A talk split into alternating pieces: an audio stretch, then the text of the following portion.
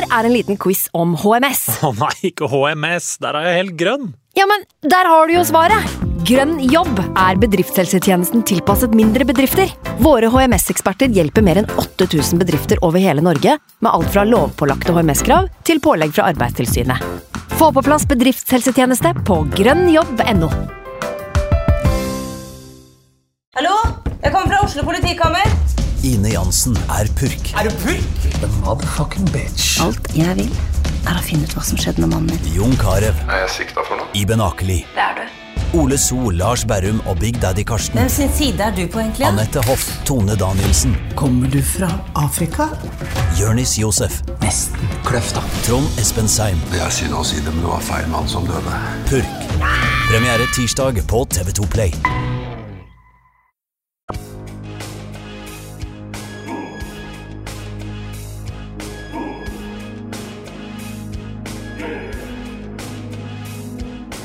69. Den 69. Den 69.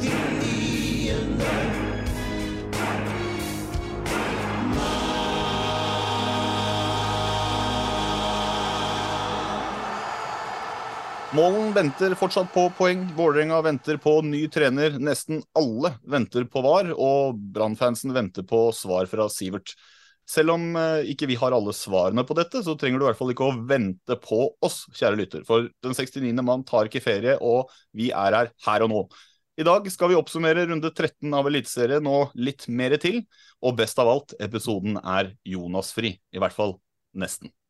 Så da må jeg først ønske velkommen til eh, dere to, eh, Frank og Arskan, eller Jonas-vikaren Arskan. Velkommen. Takk. Takk for det. Skal vi bare høre eh, hva som har skjedd siden sist? Eller vi veit jo litt hva som har skjedd med deg, Frank, men hva har du gjort siden sist? Nei, Jeg hørte du nevnte ordet ferie der i introen. Jeg tenkte på at det har vært jævlig godt å bare ligge og slappe av nå. For jeg er passe sliten etter eh, bortehelg i Skien og eh, Odd-Glimt-kamp. og ja, Så landa med flyet hjemme i Bodø i titida i morges. så Da var det egentlig bare rett på jobb, så ting har gått slag i slag. Og jeg har egentlig ikke fått summa meg før vi nå skal sette og spille inn episode, så ja. Men du er best når du er sliten, da. Ja, Da håper jeg er sliten hele tida i så fall. Ja, Du ser i hvert fall sliten ut, det skal du ha. Men Takk. eh, Arskan, hva har du gjort siden sist? Nei, Det har vært stille og rolig her. Jeg var i Tromsø i går. Eh, Det, da lærte jeg at Ikaros de kan drikke. Eh, For jeg landa i Tromsø og fikk beskjed om at nei, vi skal gå til sentrum. Og Og hadde med seg to fridge packs med pils eh, som vi drakk innover. Eh, Og jeg så dobbelt hele dagen. Eh, og så tenkte jeg på flyplassen på vei hjem, nå skal vi slappe av. Nei, da kom det shots. Så da var det full fyr i teltet der òg. Normalt sett så hyller jeg det, men det er på et nivå jeg, eh, jeg si aldri har vært borti før. Men det var veldig gøy. På en skala fra 1 til 6,9, hvor glad var du for at du hadde ferie i dag? Å, 6,9, ja. det var dødens fyllesyk da jeg våkna. Ja, men det er bra. Kjenner jeg sjalu, ja. Du kjenner sjalu, ja. Fordi du, var, du, var, du er i strålende form i dag. Jeg måtte jo dra rett på jobb, og jeg har vært et par runder ute på dassen, så Ja.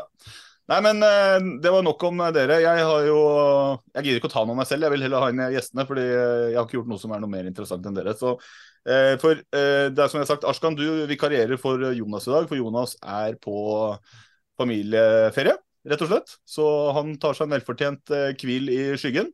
Men eh, da har vi også Arskan, det er du som har som Jonas-vikar ordna gjester for oss, for det er Jonas som alltid ordner gjester.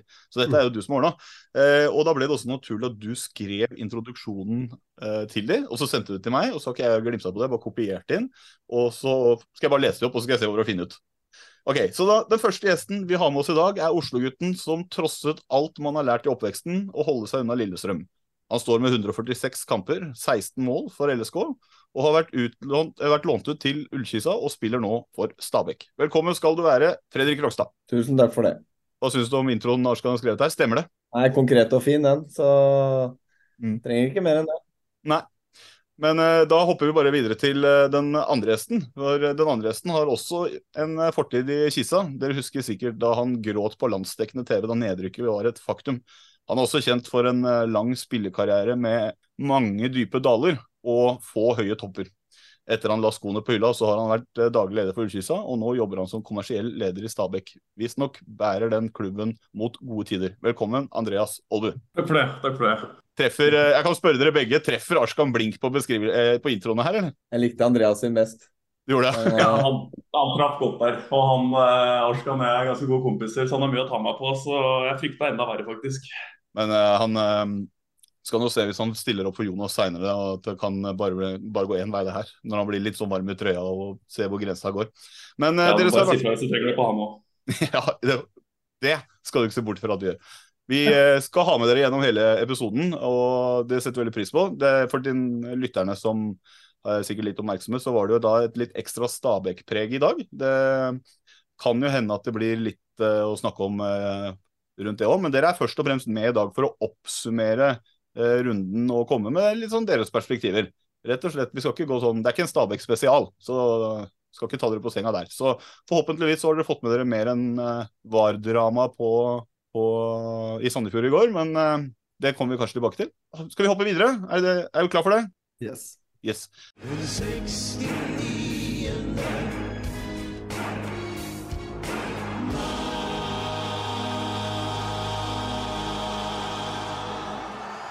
For det første jeg har lyst til å gjøre, er å snakke om dette som kalles Hangeland-utvalget.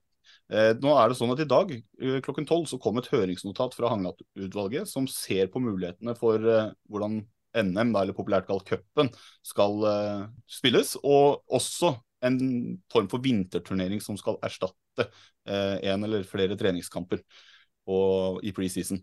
Uh, Jonny Normann Olsen han er Skeidmann og også prater i podkasten Våre bestemenn. Han sendte oss både tips om dette og rapporten som kom ut i dag, og det skal vi dypdykke i senere. Men kort fortalt så er det da tre alternativer for cupen, og så fire for en sånn vinterturnering som ligger konkret der bare for å oppfriske de som ikke har fått med seg det. Cupen har blitt diskutert med en sånn tradisjonell cup sånn som vi har nå. Eh, start vår, eh, avslutt høst. Eller så har du NM høst-vår med sånn finale i mai, som vi hadde nå under covid og som vi har vært anti de siste åra. Eller NM på våren, at man starter før serien med oppstart i mars og finale i mai. da, Det er de tre alternative Hangeland-utvalget ser på. Og Da kan jeg spørre dere som jobber i fotballen, eller Fredrik, du spiller jo. Eh, hvordan, hvordan ser dere på uh, sånne endringer? Er det tradisjonell cup eh, man gjerne vil beholde, eller er man åpne for uh, ja, å snu om på disse tradisjonene rundt cupen? Jeg har en ganske sterk uh, mening der, for så vidt. Og det er at jeg syns at man bør spille cup den sesongen med start i, på, på, våren der, og så avsluttes på tradisjonelt vis etter sesongen. Uh, jeg syns det er en fin måte å gjøre det på. Og så er det også fordi at uh, det er surt eventuelt, og hvis man skal snu det motsatt, at når spillere De kommer jo og går. Så man, mm. uh, man risikerer jo faktisk at man, uh, man, er med på de første rundene, og så får ikke være med på en eventuell kvart semifinale. da, og, og, motsatt, hvis man spiller de første, men ikke får være med på, på, på moroa hvis man skulle komme så langt. Så jeg syns den beste løsninga er å spille eh, på slutten av sesongen, selv om det er ikke alltid forholda har, eh, har uh, vært de beste da heller. Men det er, eh, jeg syns det er en fin tradisjon sånn det har vært. Eh, så det er min mening, da. Så, så cupen 2022 så spilte han Lars Jørgen Salvesen for tre ulike klubber. Ja, det, både Godset, Glimt og Viking. Mm. Hva tenker du, Andreas? Har du har du noe annet syn på det, eller er du så forkjemper for tradisjonell cup, du? Nei, jeg, er enig med Krogen, egentlig. Eh, jeg har egentlig, eller Tidligere det, så har jeg vært litt positiv til uh, den svenske vrien. At man starter med en slags kvalifisering på høsten. Uh, og så blir det mer gruppespill og slags sluttspill på våren, da, med en finale på våren. Men så ser jeg jo det argumentet med at spillerstallene endres jo hyppig. Uh, og den blir veldig stykka opp. Uh, fordelen andre veien synes jeg har vært at det har vært mer da, um, litt spennende kamper på vinteren i en fryktelig lang oppkjøring. Mm. Uh, og, og, det tror jeg kunne hjulpet norsk fotball litt også. og så syns jeg på generell basis at cupen i Norge også blir haussa opp litt mer enn den egentlig er. for du ser liksom første, andre runde er populære, fordi da reiser elitelagene rundt og møter breddelag. Eh, og det er veldig stas eh, for breddelagene og morsomt for elitelagene òg, tror jeg. Å kunne reise litt rundt og sette litt preg på um, diverse veikryss. Uh, men fram til da en, kanskje en semifinale, så er det egentlig ikke så veldig mange som bryr seg. Og da sliter man litt også med å fylle opp tribunene og skape voldsomt engasjement før det kommer til en cupfinale.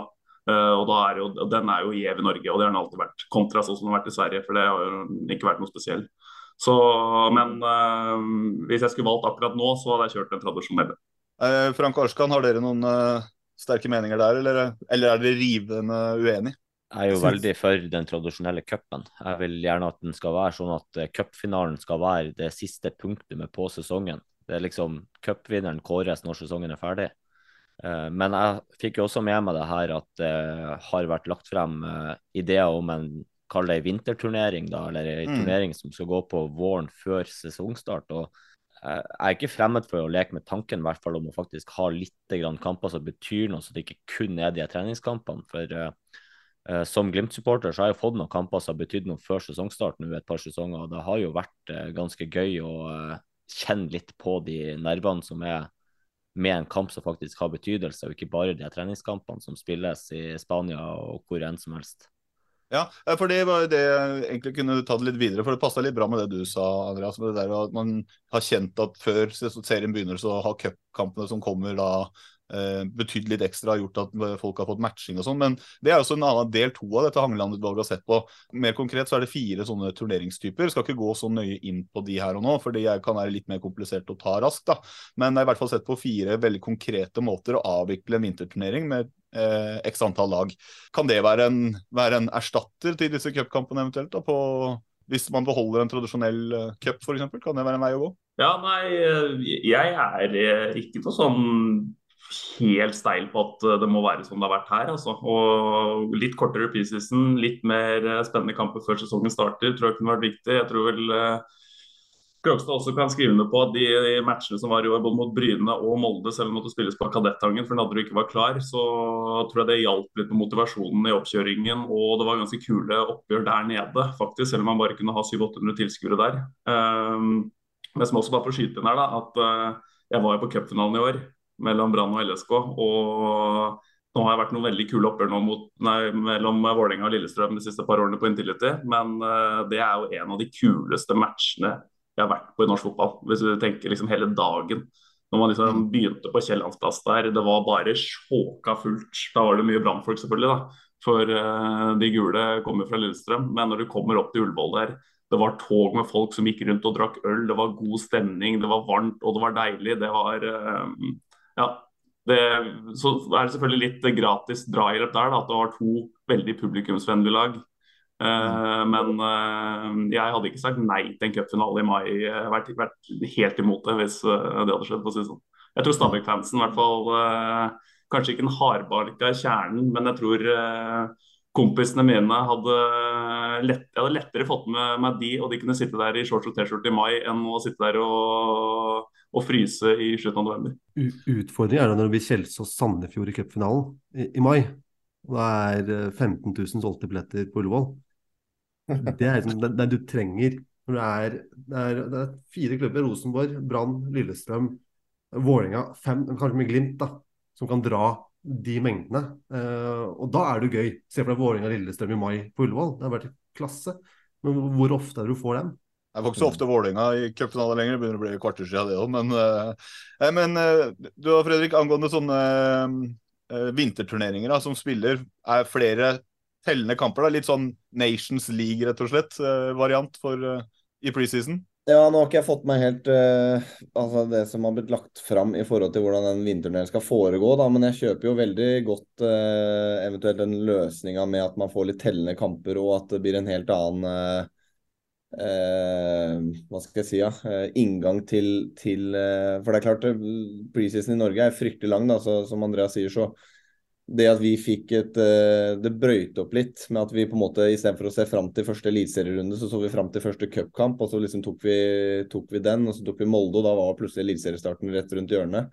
Eh, så det gjorde jo for vår del uh, preseason ganske mye kortere. Så en løsning der er jeg positiv til. Eh, så spørs det hvordan det eventuelt blir senes ut, da. Men uh, å få noe å spille for, uh, det hadde vært kjempepositivt. For det er klart, de fleste lagene spiller jo i hvert fall en 12-13 treningskamper da, ofte. og det er klart det er seigt etter de fem første. Så begynner det å bli seigt. Så en løsning der hadde vært, hadde vært gull for å få ordentlig matching, og det betyr litt ekstra. For det er stor forskjell på å spille treningskamper og å spille eh, eliteseriekamper. Og sånn sett var det fint for oss da med at vi fikk tellende matcher tidligere enn en veldig av de mange, mange andre lagene. Da. Så det, det, ga oss eh, litt ekstra motivasjon og eh, en fin inngang til sesongen. Nei, men eh, kanskje vi skal eh, la den ligge der. Som sagt, vi eh, har lyst til å se enda litt dypere på det senere i podkasten. Og det var litt sånn det ble kasta litt på, som jeg tenkte det var litt sånn brennhett tema som vi bare, i hvert fall måtte nevne. Og det var et bra tips fra fra vår eh, venn eh, Jonny. Så vi, eh, vi, går i dybden litt seinere på det. Men med mindre det er noen aller siste kloke ord rundt det, så tenker jeg vi bare hopper til oppsummeringa av runde 13.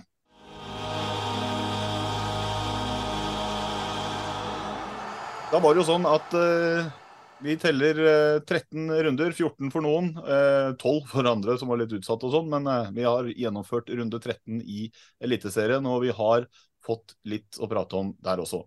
Jeg eh, tenker rett og slett at vi bare må starte med det jeg har valgt å kalle formlagene. Fordi det er noen lag som nå har eh, ja, litt sånn grønnere kurver enn andre. Og Strømskos og Viking står nå med fire strake seire. Tromsø hadde fem før den runden, men har fortsatt ikke tapt på seks. Så vi starter rett og slett med å se litt på hvordan det gikk for de såkalte formlagene. Vi hopper da rett til Viking Haugesund. Der ble det en uh, grei 2-0-seier til Viking. Salvesen og Tripic som ble de store heltene.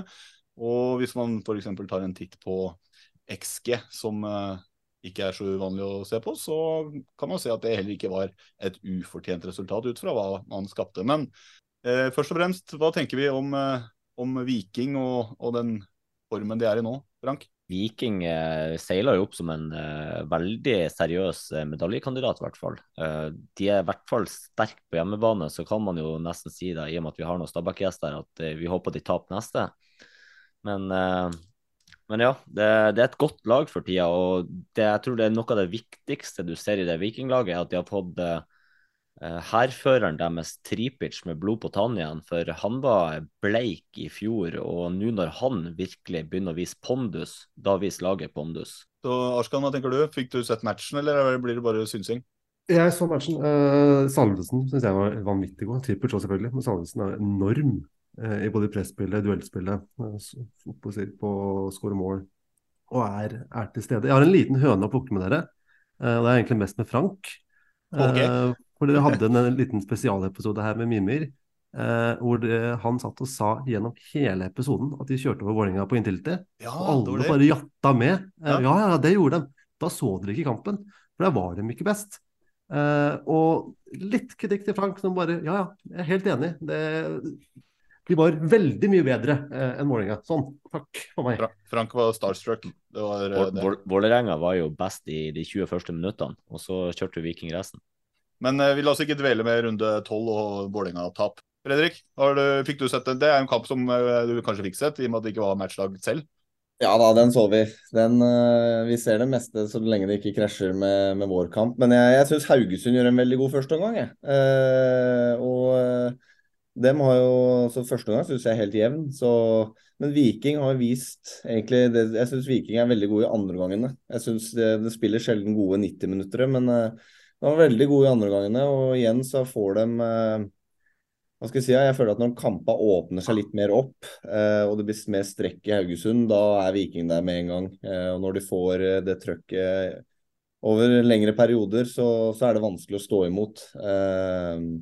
Og så syns jeg det en stor styrke for Viking er når de har såpass bra bredde i troppen også. Så på en måte du ser at Haugesund går litt tomme for krefter, og da da kan egentlig eh, Viking eh, sette jo inn perfekte eh, spillere også, som på en måte gir laget energi i de viktige periodene. Eh, spesielt han eh, Augustino, som jeg syns er en bra spiller. Så Viking er veldig gode i andre gang, men, eh, men Haugesund viste jo at det faktisk er muligheter Nå som vi har Viking i neste, så det, finnes det muligheter. Så jeg syns ikke Viking er så gode defensivt. når, når Haugesund klarer å beholde litt ball med ball sjøl. Men uh, Viking er bra, absolutt. Så dem, det blir en tøff nøtt for oss i neste nå. Men du tenker det er mulig å straffe, så det er det, det skal fokuset ditt nå. Det er mulig å straffe Viking, det er det du ser?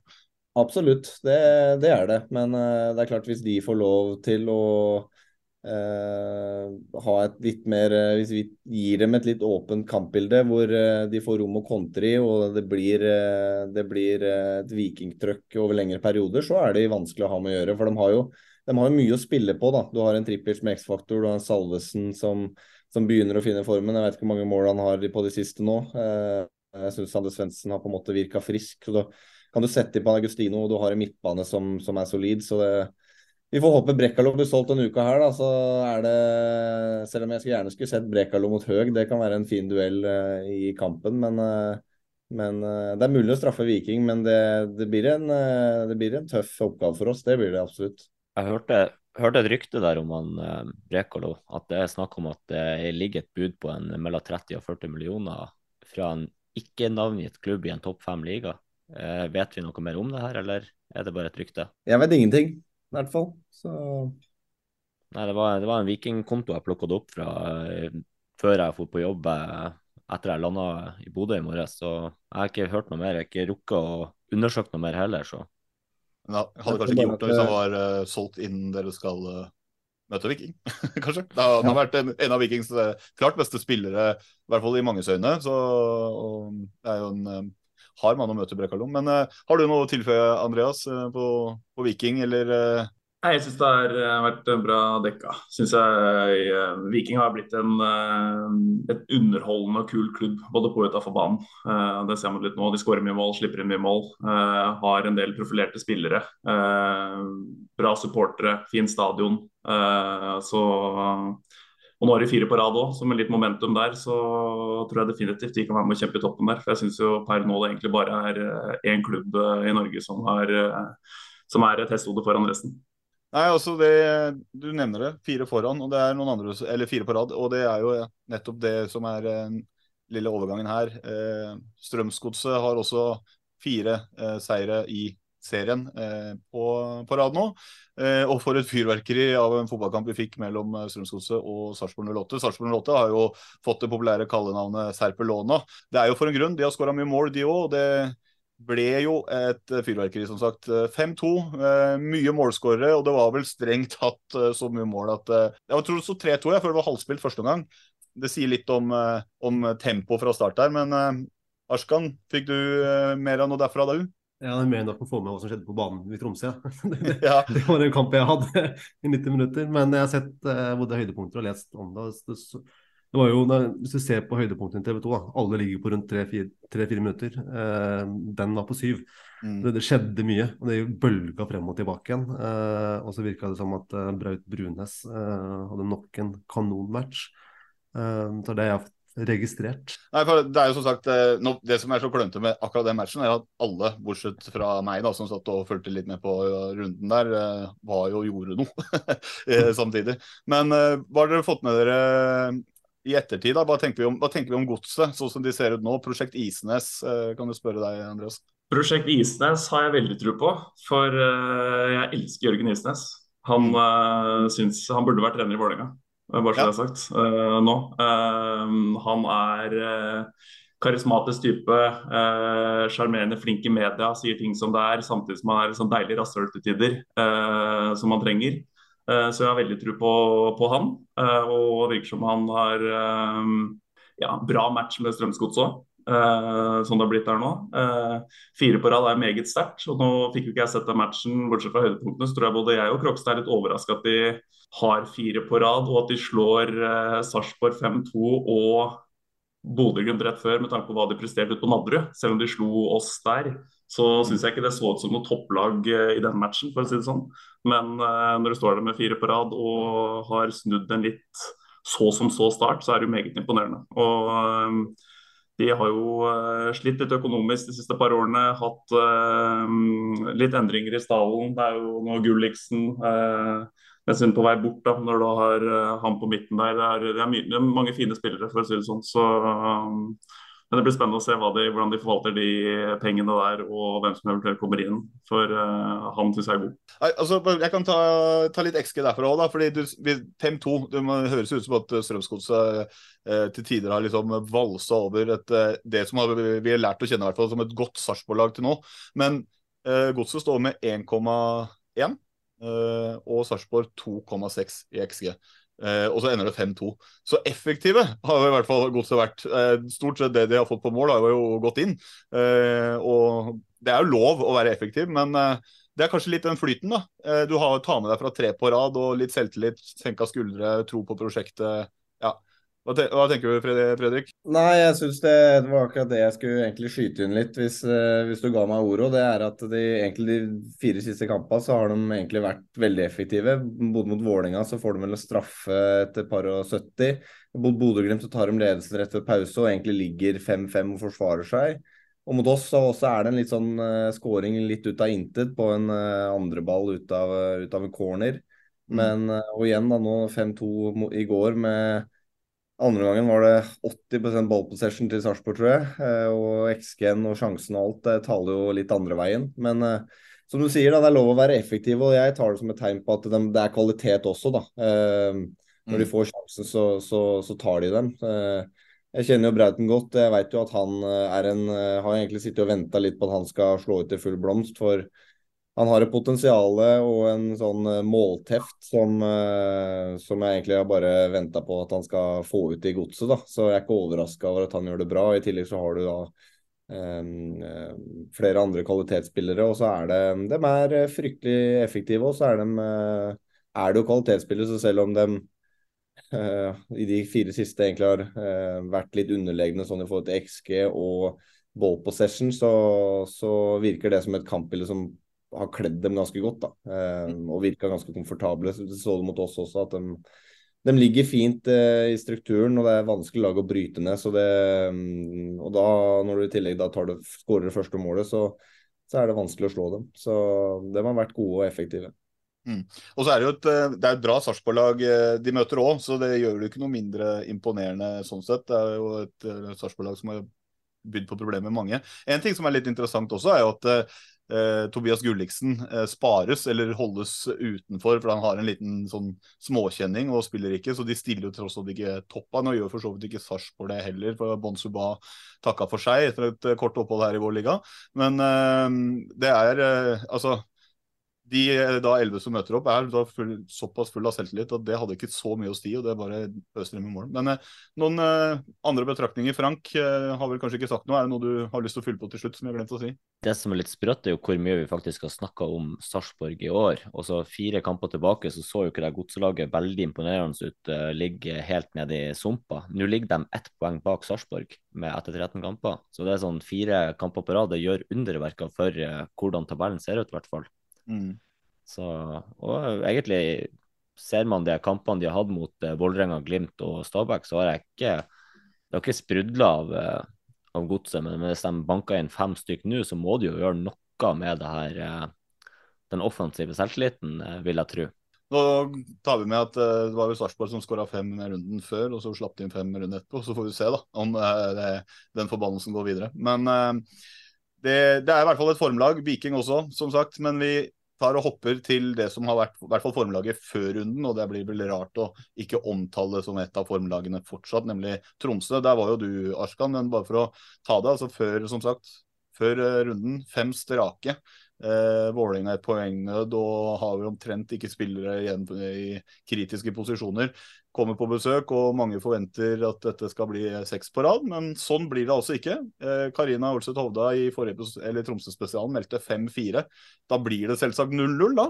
Eh, og Sjøeng banens beste. Det er jo, det, det er det, det er jo podkast-jinxen vår som eh, lever i beste velgående. Men Arskan, du var der, så du kan jo, kan jo fortelle hva du ser med egne øyne smått utrolig at vi i det hele tatt klarte å karme oss ett poeng, eh, et poeng derfra. Uh, Sjøeng var enorm.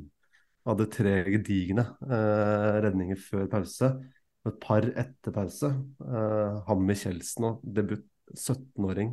Bunnsolid. Suta ikke så god. Altså, det, det, var liksom, det, det, var, det, var veldig åpenbart hvor sjansene kom fra. Men jeg syns Tromsø var stabile. Uh, du, må malte på. Du så Gaute Helstrup-fotballen uh, i full blomst, og så var de uheldige med at de ikke klarte å sette ballen i mål.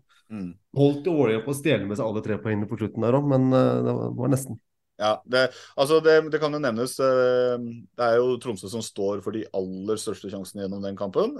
Det som er litt symptomatisk for Tromsø, hvis jeg skal være litt sånn presentere fakta her, er at enten så gikk skudda over eller utafor, eller så gikk de midt på mål, mye av de, eller ikke helt opp i krøsset. Eh, bortsett fra denne sjansen eh, til eh, Mai Traoré, da, som eh, eh, hvor Sjøeng er ute i, nærmest i spagaten. Men, men, men det er jo kropp, Tromsø som kropps, Kroppsspråket til Mai Traoré når han skal avslutte der, han mm. har jo sagt til han Sjøeng ti sekunder i forkant hvor han vil skyte. Det, mm. det, er så synlig hvor han som spiss Det der er jo noe han er nødt til å utvikle videre. For det, han leser jo skuddet med en gang. Kjørte et bueløp før han skulle skyte der. Ja, ja. Nei, altså det, men uh, Hvis vi ikke skal ta noe vekk fra spagaten til Sjøeng, så er det sikkert noe i det. Men det er et litt sånt altså Vi har snakka mye om Tromsø og at det er effektive. De vinner 1-0, de vinner 2-1. De har gjerne to skudd på mål, og begge går inn. altså Vært litt sånn symptomatisk for det. Men ikke denne gangen. Da går uh, ingenting inn, og Vålerenga får med seg et eh, ja, Kall det et ufortjent poeng, men et sær, særdeles viktig poeng, da. Eh, sånn som ting har blitt. og Sånn, og, hva tenker vi, hva kan det poenget bety for Vålerenga, da, Fredrik? Nei, Jeg tror det var eh, viktig å holde nullen igjen. Eh, det har jo vært litt sånn for Vålerenga at man har eh, sluppet inn litt for enkle mål og gjerne vært gode perioder hvor man har pressa på, spesielt på hjemmebane, og, og ikke skåret. Og, og, så får man heller en imot isteden. Eh, så det må jo være en, eh, en, god følelse å reise hjem fra Tromsø, i hvert fall og, å, og ta med en clean sheet. Eh, så, har jeg ikke sett så mye av stats og alt sånn, men jeg så jo at det var Kjeldsen og Suta som bak der. og det er klart Med de to bak der, så er det jo solid å holde nullen, vil jeg si. mangler det er litt stoppekrise, så ut ifra forutsetningene med litt skader og litt fravær, så så syns jeg 0-0 eh, mot Tromsø er et OK resultat. Og viktig å, å, å holde nullen igjen. Det, mm, det, har vært litt for mye mål imot for Vålerengas del. Og hva tenker vi, Andreas? Er det arbeidsuhell av Tromsø, eller rakner disse Tromsø-marginene fullstendig nå? Eller hva kan vi forvente videre nå av eh, mannskapet til Gaute Helstrup? Nei, selv om de kanskje var skuffa sånn som kampen ble, og at de ikke tok tre poeng, så tror jeg ikke liksom at uavgjort Jeg tror ikke de er blitt så høye og mørke der oppe at de syns det er blytungt med ett poeng mot Vålerenga. Uh, det tror jeg ikke. Så jeg tror det der er en, eh, en klubb som er på vei opp og fram, virker som, med en eh, godt innarbeida kultur, for å si det sånn. Og da um, tror jeg de kommer til å plukke poeng videre hvor langt har ikke Vålerenga dødd nedover? da? De jubla for ett poeng der oppe. Og det var full fest eh, for at vi klarte å karre med oss et poeng. Mm. Eh, det er egentlig litt trist. Men det er veldig, veldig fin TIFO i forkant. da. Det hadde vi. Ja, Det eneste som synd er at det ikke syntes på TV, fordi bortetribunen er jo ja, på Ja, den var jo i annen kommune. Ja. Ute på Lerkendal. ja, det kan du si. Men uh, det er sikkert et uh, jeg tenkte jeg skulle la den gå. Nei, men eh, Det er som sagt et uh, Vålerenga som var i poengnød, men fikk med seg et viktig poeng. Uh, men Vålerenga er ikke det eneste laget om dagen som uh, ja, kanskje desperat kjenner på den der poengjakta og sanke disse viktige poengene.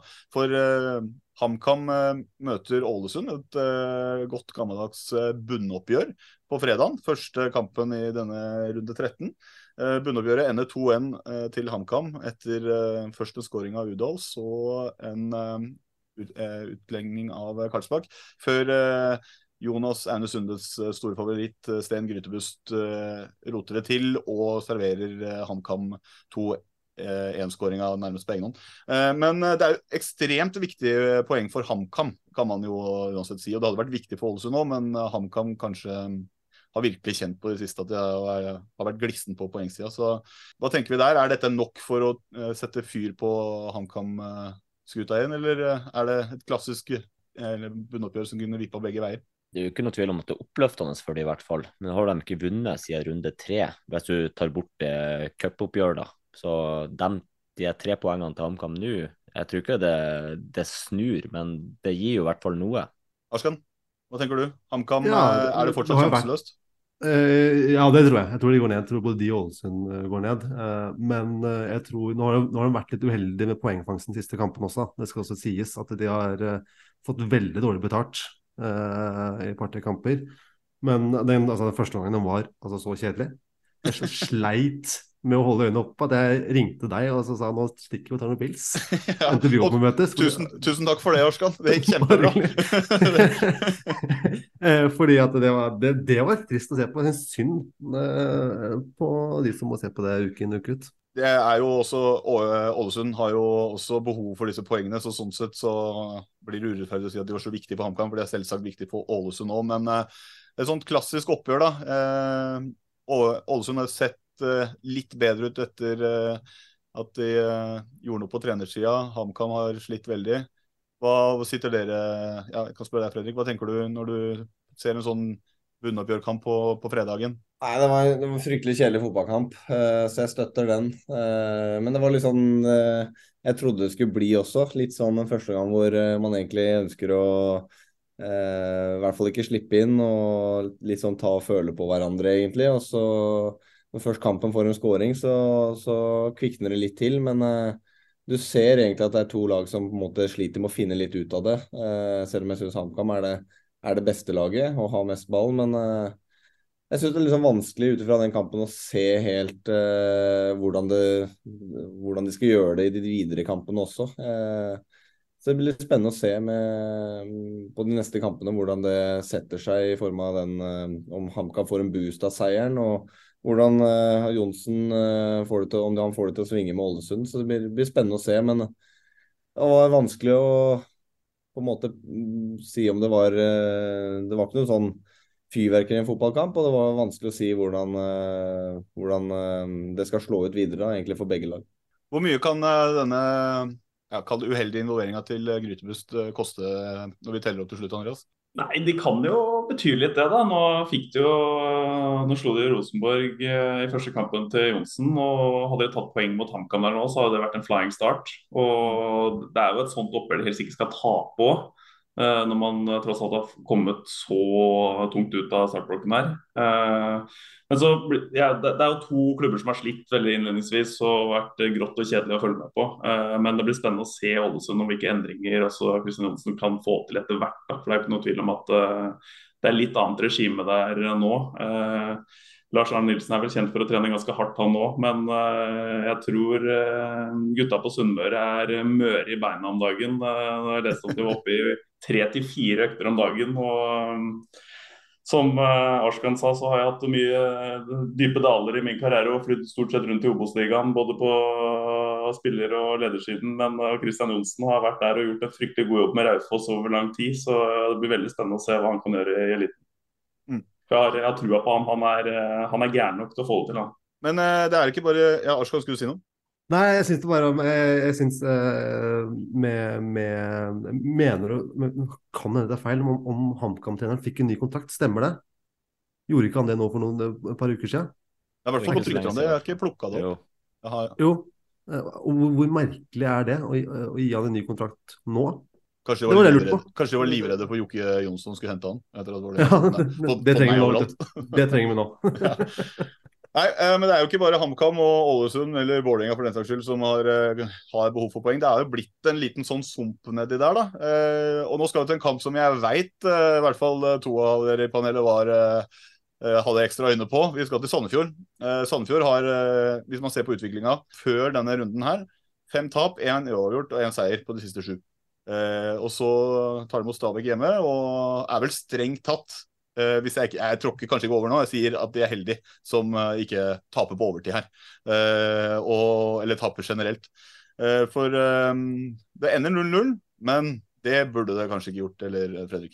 Nei, det burde ikke det. Det er Ja, det er klart det er, det er surt å, å sitte igjen med ett når det blir sånn som det blir. Eh, vi kan starte litt med å ta kampen først. så så synes jeg på en måte vi gjør en veldig god første gang. og Bakenga bør jo også på en måte sette den straffa. Han pleier å være, være sikker også. så men Noen ganger så bommer han. Men det er klart, eh, i en så god førsteomgang over så lang periode, så, så er man nødt til å skåre mål. og er, Vi er litt der nå at det lugger lite grann.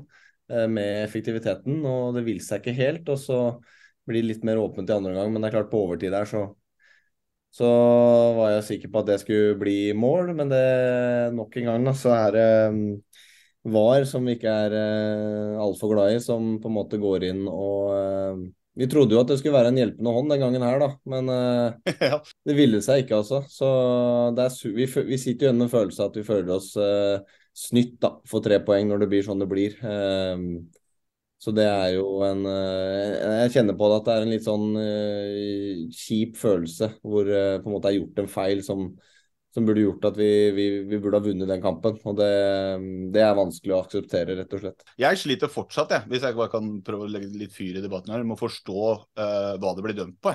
Uh, det, det, jeg satt jo så Fotballekstra, og det var vel det omtrent det eneste som var på skjermen akkurat da.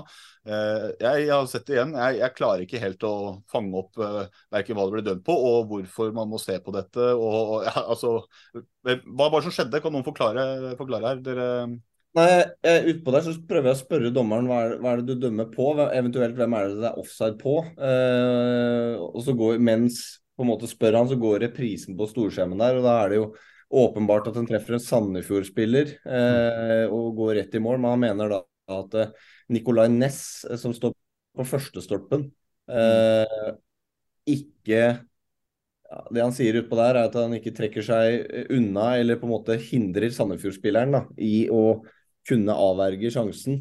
Eh, og eh, så ser man jo da på de bildene som går i reprise der, at det, ballen går jo på en måte på andre sida av keeperen. Mm. Så Sandefjord, den duellen som faktisk skjer på førstetroppen, har ingenting å si for målet. For ballen går, det er ingen som får med seg at ballen går i mål, egentlig, før den ligger i mål. For det, det, det er såpass eh, eh Det går så fort der. I såpass eh, Treffer kneet til Sandefjord-spilleren nå i mål der. Så det går så fort, så det har ingenting å si. Og i tillegg, når du ser enda uh, nærmere på bildene, så ser du jo faktisk at det er Sandefjord-spilleren som faktisk måte, uh, gjør egentlig en god markeringsjobb da, med å ta ut Nessa-duellen og hindre han i å ha noe, uh, noe funksjon.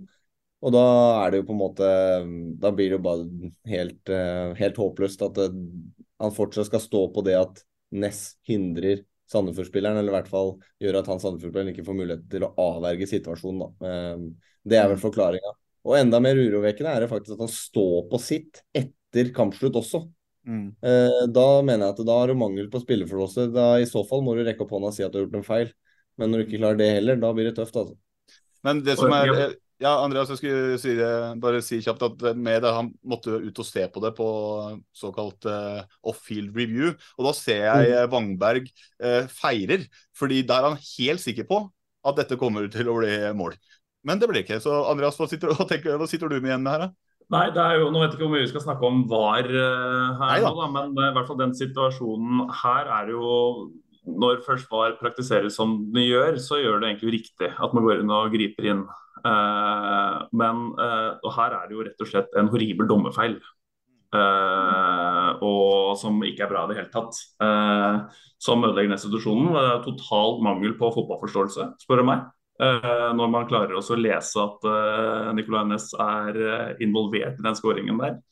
Og, og, men det som på en måte jeg syns er litt urovekkende hvis vi skal med VAR, og om det liksom er dommeren som gjorde noe, eller VAR, eller hva det er, er at hele følelsen Jeg var på tribunen, så kan jo Fredrik snakke for hvordan det var på banen, da, men både da situasjonen skjedde, og liksom noen minutter etterpå, og etter da dommeren blåste, så sto alle sånn og var sånn Hva skjedde her nå, egentlig? Hva blåste man for? Hvem var det offside på? Det var, var, for ingen veit jo.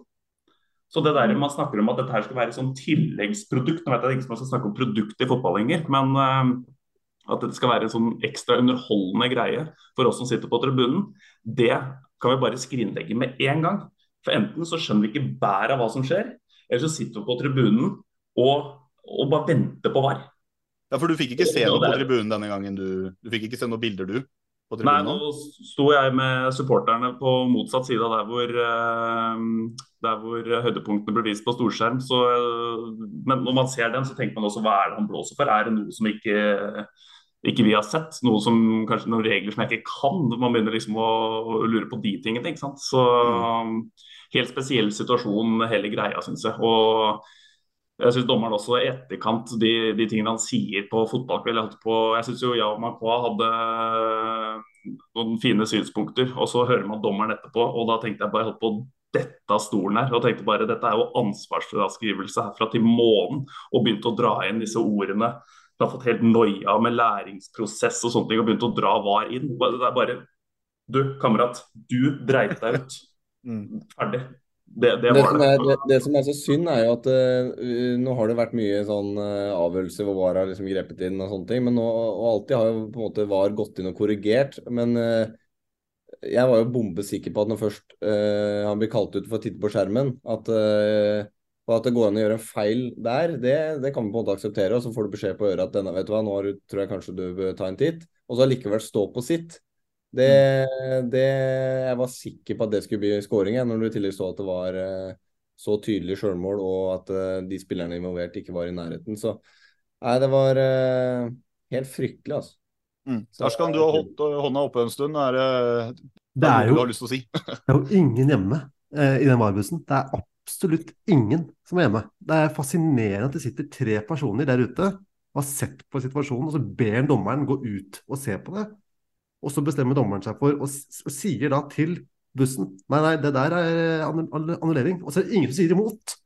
Og så kommer da etterkampen og står for sitt etter å ha sett det 100 ganger. Jeg, eh, jeg er jo eh, åpenbart ikke for VAR, men også den kompetansen de norske dommerne. Nå er det hver eneste runde. Det går ikke en eneste kamp uten at de mister noe. Og Det er greit de mister én eller to avgjørelser. eh, Det er et innkast du ikke klarer å se hvilken som går hvilken vei. Fair enough. Når du har fått sett det på video Du ser ballen treffer Sandefjord-spilleren og går inn i mål. Og så er, er har du så absolutt så stort ego at du ikke klarer å bare rekke opp en hånd og bare si sånn Jeg fucka opp. Det kan skje det beste. Mål til Stabæk.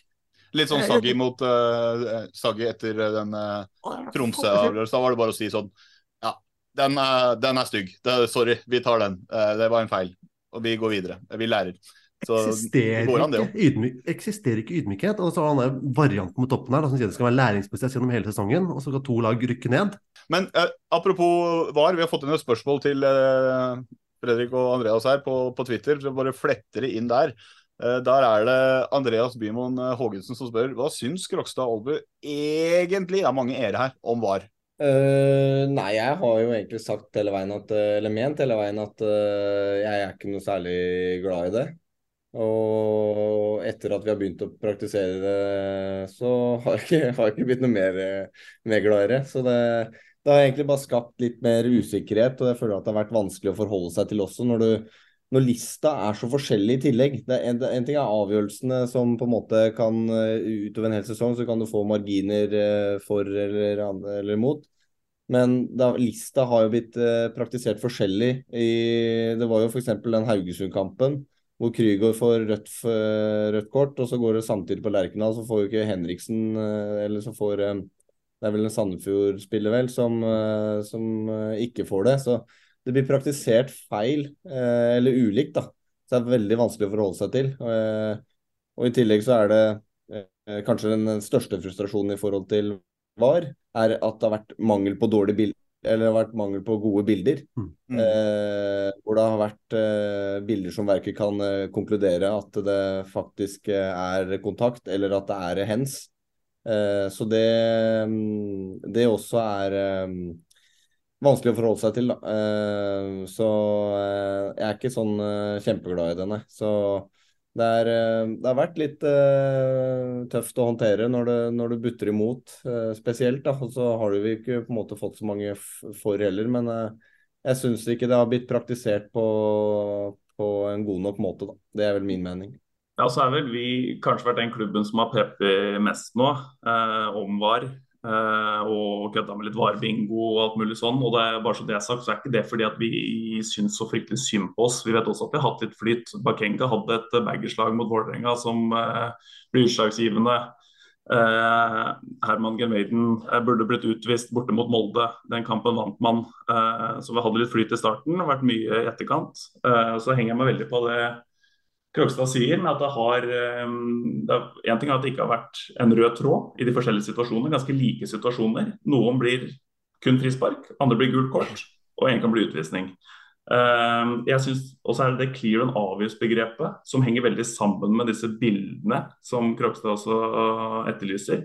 Men dette her mener jeg vi alle, og de som tok avgjørelsen for VAR inn, burde sett i forkant. Og skjønne at dette her kommer til å bli sånn. Derfor har jeg vært imot VAR hele veien. Så de som kommer ut nå og sier jeg var imot Det er altså fotballedere som sier det i dag, altså.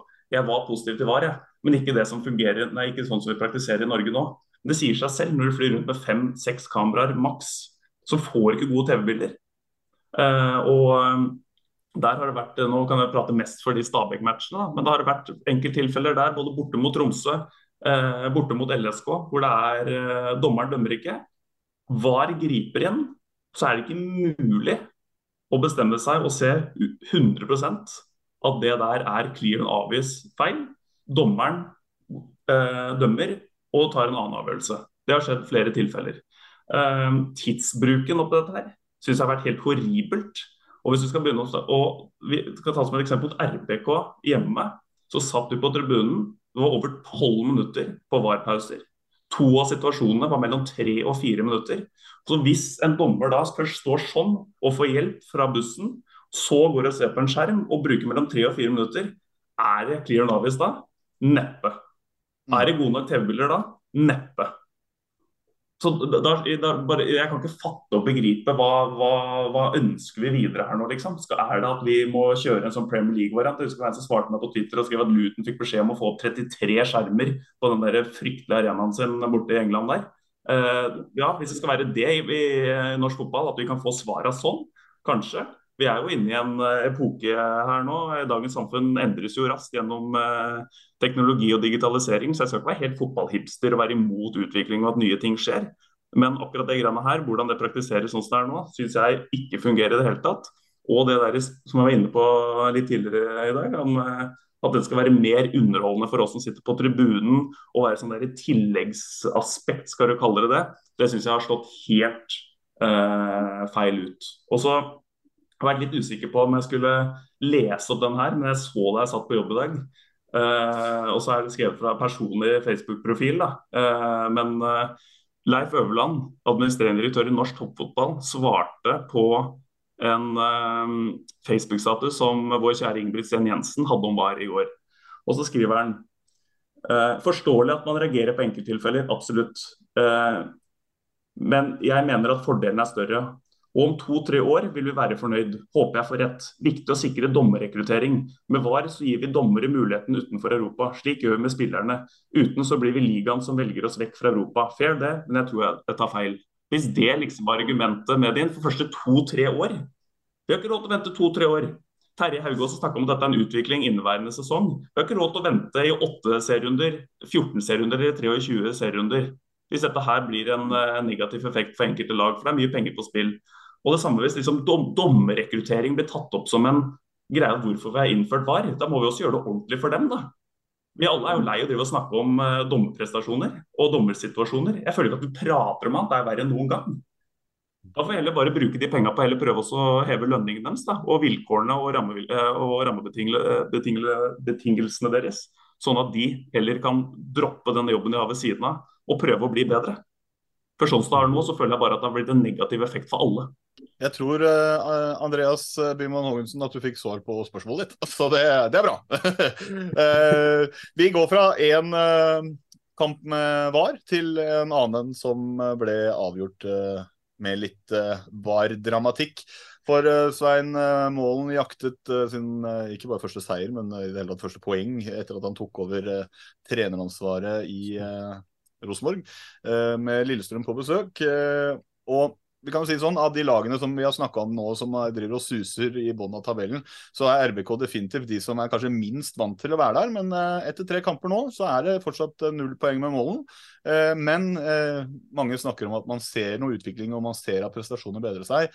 Og det er vel også litt sånn Et sjansesløsende LSK kunne fort ha gjort at man dro med seg poeng også, men så dukker jo da overtidskongen over alle overtidskonger opp der med, med Adams. og der får vi rett og slett at eh, Rosenborg går fra 1-0 til å tape 2-1. Eh, Adams den store helten. Men eh, hva trekker vi fra den, om vi ikke skal snakke for mye om VAR, det har vi gjort nå, men kampen, da? Arskan? Det er deilig at Rosenborg bare taper og taper. Og Det er egentlig ikke bare rivaliseringen mellom Rosenborg og Vålerenga, men det er pga. måten han, målen har bare gått inn i stillingen. Selv, selv mot Lillestrøm, altså? Arskan? Han er så arrogant. men da, da, da Rosenborg skåret, så jublet jeg jo. Svar på, svar på spørsmålet, Arskan.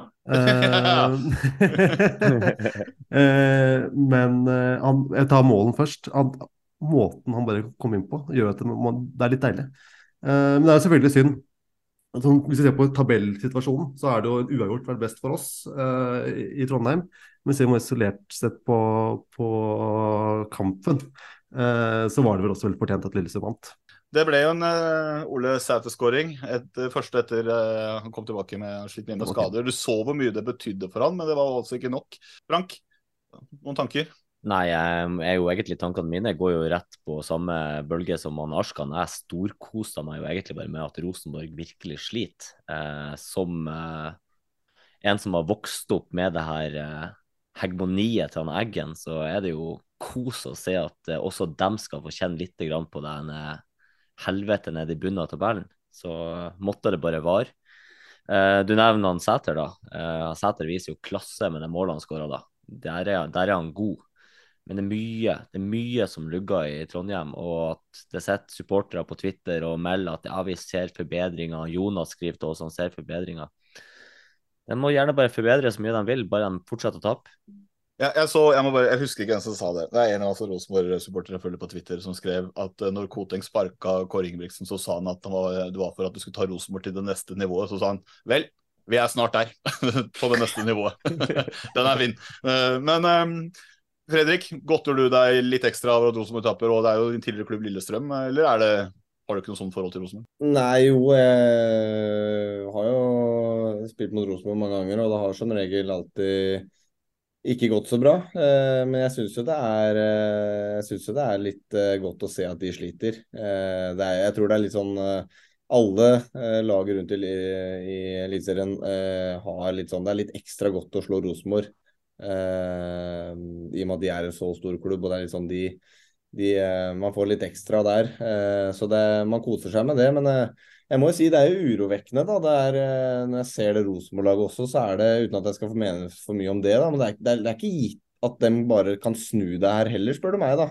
Mm. med så mye endringer som er blitt gjort nå. og De har jo utgangspunktet egentlig ikke med Sæter inn nå, er jo viktig, da selvfølgelig, men jeg syns jo egentlig de har jo egentlig ikke et 4-3-3-lag eh, heller. Så alle de endringene som er blitt gjort nå, er ikke nødvendigvis eh, til det bedre. Selv om det, tendensen offensivt eh, kanskje selger bedre så, så, så, lekker det jo litt eh, bakover, da. Eh, men så må jeg også Jeg har sett høydepunkta bare, og det, det, flyter jo voldsomt da, for Akor Adams nå. Det, det skal jo sies, da, for det er klart eh, Eh, jeg har sett mye Lillestrøm, og han er jo en fantastisk god fotballspiller med mye potensial. Men han har den egenskapen at han egentlig kan være litt usynlig og litt fraværende i neste store deler av kampen, og så dukker han opp og er matchavgjørende. da, og eh, I går så er det jo den 1-1-skåringa er det vel en tidenes sleiv, og så er det jo straffespark som faktisk reddes, men på en får den igjen. da, så det blir jo litt typisk for Rosenborg, da, som på en måte sliter litt. Så du, er det maks utur uh,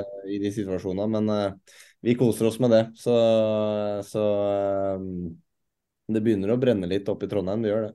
Ja, nei, fordi Jeg kan bare skyte inn at vi hadde jo eh, adressakommentator eh, Birger Løfaldli eh, innom her. og Han har også skrevet en sak på det tidligere eller vært ute og sagt at eh, han tror at det kan bli veldig tøft denne omstillinga som målen går, og at de fort kan tape en tre, fire, fem kamper. Eh, og da begynner det virkelig å haste, selv om man har staka ut en kurs. Og Da kan jeg spørre deg, Andreas, da, som eh, jobber litt med dette å drive driftefotballklubb. Uh, hvor mye tror du de kjenner på dette her nå, når de, de gikk ikke, fikk ikke den effekten? Svetter man litt ekstra i, i korridorene på brakka nå? De kommer nok ikke til å innrømme det, men det tror jeg garantert de har gjort. Og Det blir sånn spennende å se etter sesongen hvordan det har vært med eller hvordan det blir da, med Vålerenga og Rosenborg. Eh, Vålerenga nå som har is i magen og kjører videre med Nordnes til de får plass riktig mann. Og så kan man jo si mye om det, om det er riktig med tanke på at han har vært eh, i lomma til Fagermo i x antall år. Men eh, sånn som når Rosenborg går inn nå og tar en midlertidig hovedtrener som går ut og Det var en litt sånn alle så vel den komme litt og tenker at det er litt spennende med en trønder som skal uh, ta over Rosenborg og 4-3-3 og, Godfoten og Eggen og alt det man prater om der oppe. Uh, men uh, frykt ja, jeg er enig med Arskan. At det, var, det har vært noen uttalelser her som jeg syns har vært mildt sagt klønete. Og når du da står med tre strake tap i tillegg, og man har den spillerstallen som også er der oppe nå, så får man så fortjent, altså. Eh, jeg syns det har vært fra en som på en måte har jobba i Rosenborg under Kjetil Rekdal, hvis man kan si det. Eh, jeg føler at alt er litt sånn å prøve å ta han. Eh, jeg syns også han sto, har stått fryktelig alene der oppe. Spesielt det siste halvåret. igjen for å ta litt om spillerstanden. Du selger Tengstedt i fjor. Uh, så vet man ikke hvor mye penger som kommer inn på konto med en gang. Det er jo avbetalinger og alt dette her. Det likviditet. Og, men de har liksom, har forsterka seg noe. Og, men det som har kommet inn, er jo Det er ikke spillere som skal spille i Rosenborg. Det er spillere som kan komme til uh, Sandefjord, HamKam og Ålesund. Uh, ikke til uh, mestvinnende klubben i Norge. Men en ekstremt viktig seier for Lillestrøm. da, Det har jo vært litt sånn kanskje etter Eh, det hangla litt før cupfinalen, så fikk man cupfinalesmellen. Og så har du liksom det, det som kanskje skulle bli liksom en, å bygge videre, enda videre på det vi har sett de siste åra, ble kanskje ikke helt det på forsesongen her nå. Eh, selv om du har hatt noen gode øyeblikk og en Akor Adams som har vært strålende. Eh, så, så, begynte det jo å haste litt med eh, tanke på der man har sagt man har lyst til å være, Tet-kampen. Har vi noen siste avsluttende tanker om Lillestrøm og hvordan de ser ut veien videre? Eh, ja, jeg ser jo fortsatt en del Lillestrøm, da skal ikke ligge skjul på det. og det, det, er klart I starten så var det jo Hvis man så bak resultatene, så var det jo prestasjonene ikke all verden. Det var fryktelig mye på overtid. Det var Odd på overtid, det var Godset hjemme på overtid. Eh, og Nå glemmer jeg sikkert noen kamper også, men det var veldig mye på overtid. Eh, og Man kan på en måte ikke lene seg på det en hel sesong. Eh, men eh, og så kom cupfinalen, og så har de jo slitt litt med skader. og det har vært eh, litt smårusk internt der. Eh, og så har man jo eh, ikke lyktes kanskje helt så godt som man ønska med den nye formasjonen med å finne plass til både Akor og Thomas. Men det virker som de på en måte har fått trent godt nå og fått den ferien som var nå, kom ganske beleilig. og så har de masse kvalitet, så jeg, jeg tror nok den den seieren mot Rosenborg, ved at man da klarer å snu det igjen, da, eh, kanskje gir litt selvtillit og optimisme inn mot, eh, inn mot, kampene som kommer. Nå har de to fine kamper i de to neste nå, så det, jeg tror Lillestrøm kommer til å reise seg litt igjen. Da, men det blir jo det blir interessant, da, for Lillestrøm har jo egentlig hatt en god kurve hele veien. så det blir interessant å se hvordan de klarer å bygge videre. Eh, så og det er jo ikke unaturlig å tenke at Akor eh, forsvinner. Så det blir spennende å følge med dem utover, utover høsten. Så er det kvalitetstegn å se hvor, hvor, Lillestrøm også har kommet. da, Med, Med tanke på at nå føles liksom at det, eller Man skal nesten tro at det er helt kaos der. Mm. Eh, og de er fire poeng bak Brann og har to kamper mindre spilt. Mens eh, der oppe er liksom helt fryd og gammen ikke sant? fram til eh, Sivert Heffen Nilsen-casen nå. da. Men uh, det er jo så jevnt, ikke sant. Uh, og de har noen hengekamper. og Hvis de får litt momentum igjen nå, så kommer Lillestrøm kommer til å være der oppe ut året. Det føler jeg meg trygg på. Husker du, Arskan, vi også trodde vi fikk momentum etter vi slo Rosenborg på Lerkendal når vi var der. Tenk å slå Rosenborg det ene året de er dårlige. Ja, altså, det er jo helt vanvittig. ja, og så, altså for en klaff. Jeg har vært, bodd i Trondheim i ni år, jeg fikk aldri oppleve det. Og så plutselig blir Rosenborg dårlig det året jeg skal flytte. Gavepakke. Men, eh, nei, men vi, altså, Lillestrøm har kanskje et bedre fundament til å ta det og bruke det til et momentum enn det Vålerenga hadde på det samme tidspunktet. Men vi kan jo si det var gøy å vinne på Lerkendal. Det kan vi jo si. Det var helt nydelig. Det var helt nydelig. Ja. Så anbefaler alle å prøve det. men uh, vi, vi hopper videre. Altså, Jeg orker ikke å diskutere om folk tar hverandre opp i ræva eller hva det er for noe sånt. Forrige runde spilte Glimt og Molde 2-2 på Aspmyra. Eh, når de så reiser hver til sitt, så fortsetter de med å skåre to mål hver, men uten å slippe inn. Så konklusjonen er da Glimt og Molde elsker hverandre, og det er utrolig kleint å se på. Uh, Frank, uh, du var jo i Skien. Var, det den beste introen du klarte å få? Ja, jeg prøvde på en overgang. Det er bare ja, overgang. Ja, men ja. det var ingen naturlig overgang her, og det er de to kampene som gjenstår. Så bare, bare ta det. det men du var jo i Skien. Uh, Odd tok imot eh, ditt uh, kjære Bodø-Glimt. Det ble en uh, eh, 0-2-seier, uh, eller 2-0, alt ettersom. Grønbekk, Pellegrino. Relativt grei seier for Glimt, det, eller Frank? Eller hvordan ser du det? Ja, kampen, jeg må nå være så ærlig å si at jeg var jo capo der nede nå, så jeg har jo sett 20% av kampen, og så er 80% har jeg stått opp og hausa bortefølge, da. Så Du har sett like mye som alle andre her, du, Jan egentlig? ja, eh, men nei, jo da, jeg har jo fått med meg ting i ettertid. Og det er klart at eh, når Glimt er laget ditt, så er det jo også de du leser mest om også etter, etter kampene, selv om at man prøver å få med seg litt fra alt. Og hvis jeg sier at Glimt var det beste laget i to tredjedeler av kampen, og Odd var det beste laget i én tredjedel, så tror jeg ikke jeg bomma så veldig. Eh, 2-0 er et fair resultat. Eh, Odd kunne skåra, og Glimt kunne skåra mer, men 2-0 er nok eh, oppsummert helt greit. Ikke den morsomste Glimt-kampen du har sett sånn kampmessig, men du skrøt veldig av bortefølger, skjønte jeg? Ja, jeg syns vi hadde godt uh, trøkk. Uh, og så uh, morsomt å se at det er også mye både barn og ungdom som er med og bidrar og er med på bortekamper. 500 stykk i Skien, det er ikke tall å skimse. Altså. Er supporterkulturen i Glimt litt uh, undervurdert, eller Frank? Jeg vet jo Arskan og sånn bruker jo hver anledning til å kaste litt under bussen. Jeg syns det er imponerende hvor mange som stiller opp land og strand rundt nå. Skal man si at det er på noe suksess og det ene og det andre, men det er fortsatt Bodø, da. De bor jo i Oslo, da. Bare så, bare så det er sagt. Vi har, vi har jo... jeg, jeg, jeg, bor jo 300 meter fra en tillit, jeg og det er jo ikke akkurat sånn smekkfullt der oppe hele tida heller. Det er jo ikke dritenkelt å få folk på kamp. Vi kjenner jo til det vi på Nodderud også. Det er, det er jo tøft. Jo, men du har lyst til å stikke og se på vinnere. Du, det er jo ganske en, en, Jeg føler det er en ganske enkel konklusjon der. da, at uh, når, når, du spiller så bra fotball, uh, og du leder deg ut i Europa Selvfølgelig får du altså, Jeg kan banne på at et Nilde har vært utsolgt hver kamp. Ja, ja altså, det, det tror jeg også. Men jeg skal bare si, de, de, Aspmyra er jo full uh, hver match, og de fyller det, det, er ikke så mange som kommer til å ha så mange bortefølget sitt på, på Intility i år allikevel, som uh, Glimt hadde. Det er sant. Vi hadde 2000 på Intility, så det er også gode tall.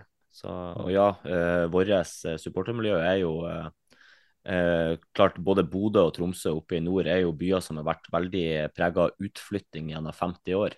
Mm. Så det er jo generasjoner med nordlendinger som også bor eh, i, på Østlandet. da, Så vi har jo egentlig en veldig sterk supportergruppe på Østlandet. Så hvis jeg bare skal ta et sånn anslag på de 500 som var på eh, Skagerrak, så vil jeg jo tro at 450 av de er tilhørende i Oslo-området, og så er det 50 som har reist fra Bodø.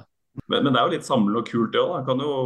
Vi møtte jo Brann borte 16. mai, så var det selvfølgelig litt vanskelig å få altfor mange opp dit. Da, for det, jo, det, var bare ett fly som gikk hjem for å rekke 17. mai. Men da fylte vi borteseksjonen der oppe med 700 fra Bærum, og det var jo 550 det var studenter. Og vi var fornøyd med det, for å si det sånn.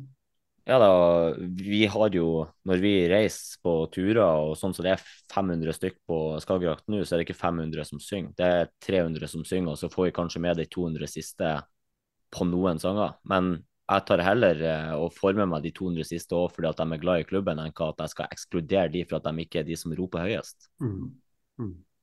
Jeg uh, tenker uh, du tar den skryten du får i den podkasten her, Frank, for det er ikke så mye det, som kommer fra meg og Jonas til tider. og Arskan, du fyller rollen som Jonas veldig bra, men uh, vi, vi, uh, vi, jeg, hadde egentlig, jeg hadde egentlig lyst til å snakke litt om Glimt har vi snakka mye om. Uh, vi har snakka mye om det gjennom vinter, og vi snakka mye om det gjennom egentlig sesongen her, fordi når du er så god som det er, så blir man snakka mye om. men Odd, det er egentlig det jeg lurer på. Det, det, er kanskje ikke den kampen man forventer at de skal vinne. Det, sånn som jeg tolka det, til tider var med, men når man ser nå hvordan ligger snart halvspillsesong. Det er 14 kamper da, istedenfor sånn som Vålerenga og Sandefjord, som har to kamper mindre spilt. Så er du ikke helt clear fra den der nedrykkshumpa, og det, er, det begynner å bli litt sånn Ja, det begynner å bli litt vel mange tap. Hva tenker vi, Fredrik? Nei, Det er for så vidt, eh, for så vidt sant, det. De, eh, jeg hadde egentlig litt eh, Jeg syns jo Odd har et veldig bra grunnspill, egentlig. da, Sånn at jeg tror de håper å si, nesten berger på at de har har såpass bra uh, grunnspill og uh, tidvis høyt nivå på det også. Men uh, det er klart, når du får et par tap på rappen og det ikke flyter helt, og i tillegg mister spillere Nå solgte de jo han han Valdem gikk de ned i Slavia Praha der. Så du mister jo en kvalitetsspiller, da. Så i tillegg så Jevtovic er ute òg, så det begynner jo å tynnes litt i, i rekken. Og de har jo ganske ungt lag også, så det er klart du, hvis den uh, ballen fortsetter å rulle med litt nedadgående resultater, så, så kan de blande seg nedi der, men jeg syns jo fortsatt at de, de, egentlig har et ganske bra grunnspill. da, eh, Sånn at jeg, tror ikke Jeg tror nok ikke Odd går ned, men, eh, men eh, det er litt vanskelig å si hva du får der, egentlig. Eh, mm. De kan på en måte plutselig vinne tre-fire på rappen også, men eh, det blir spennende å se. det. Jeg føler jo egentlig dem er litt i samme situasjon som oss. da, eh, At de kampene som kommer nå, blir egentlig litt avgjørende for hvor man hvor man har heng. Blir det litt oppover, og, eller blir det at man, eh, det lugger litt nå, og så blander man seg plutselig litt, eh, litt nedi der isteden. Så det blir spennende å se. Andreas, noen tanker om eh, Odd Bodø-Glimt-kampen, eller uh, noe på tampen der før vi går videre? Nei, det er jeg enig i. Det som ble sagt sånn med Odd, det blir spennende å se liksom, hvordan de det, er de klubbene som Odd, Haugesund og litt sånne ting man tenker liksom hva, hva er det neste?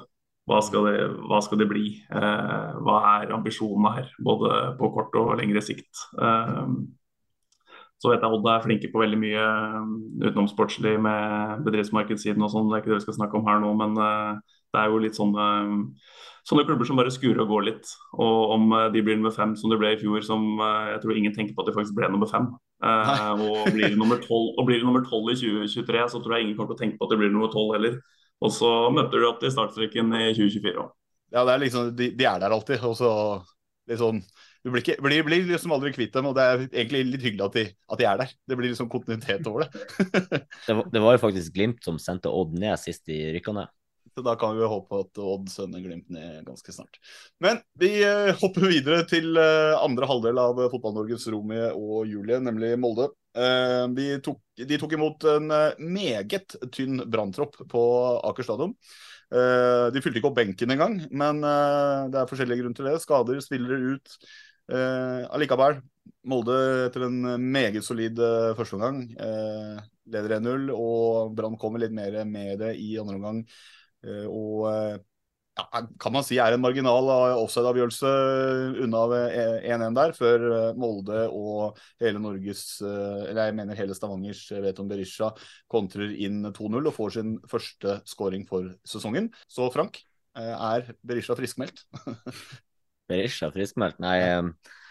Jeg syns Jan Brynildsen har sett bedre ut. Og så syns jeg jo det er mange på det Molde-laget som egentlig har vært gode nå. Jeg syns jo eh, midtbaneduoen med Breivik eh, Mannsverk eh, virka veldig bra. Eh, Eriksen leverer en kjempekamp.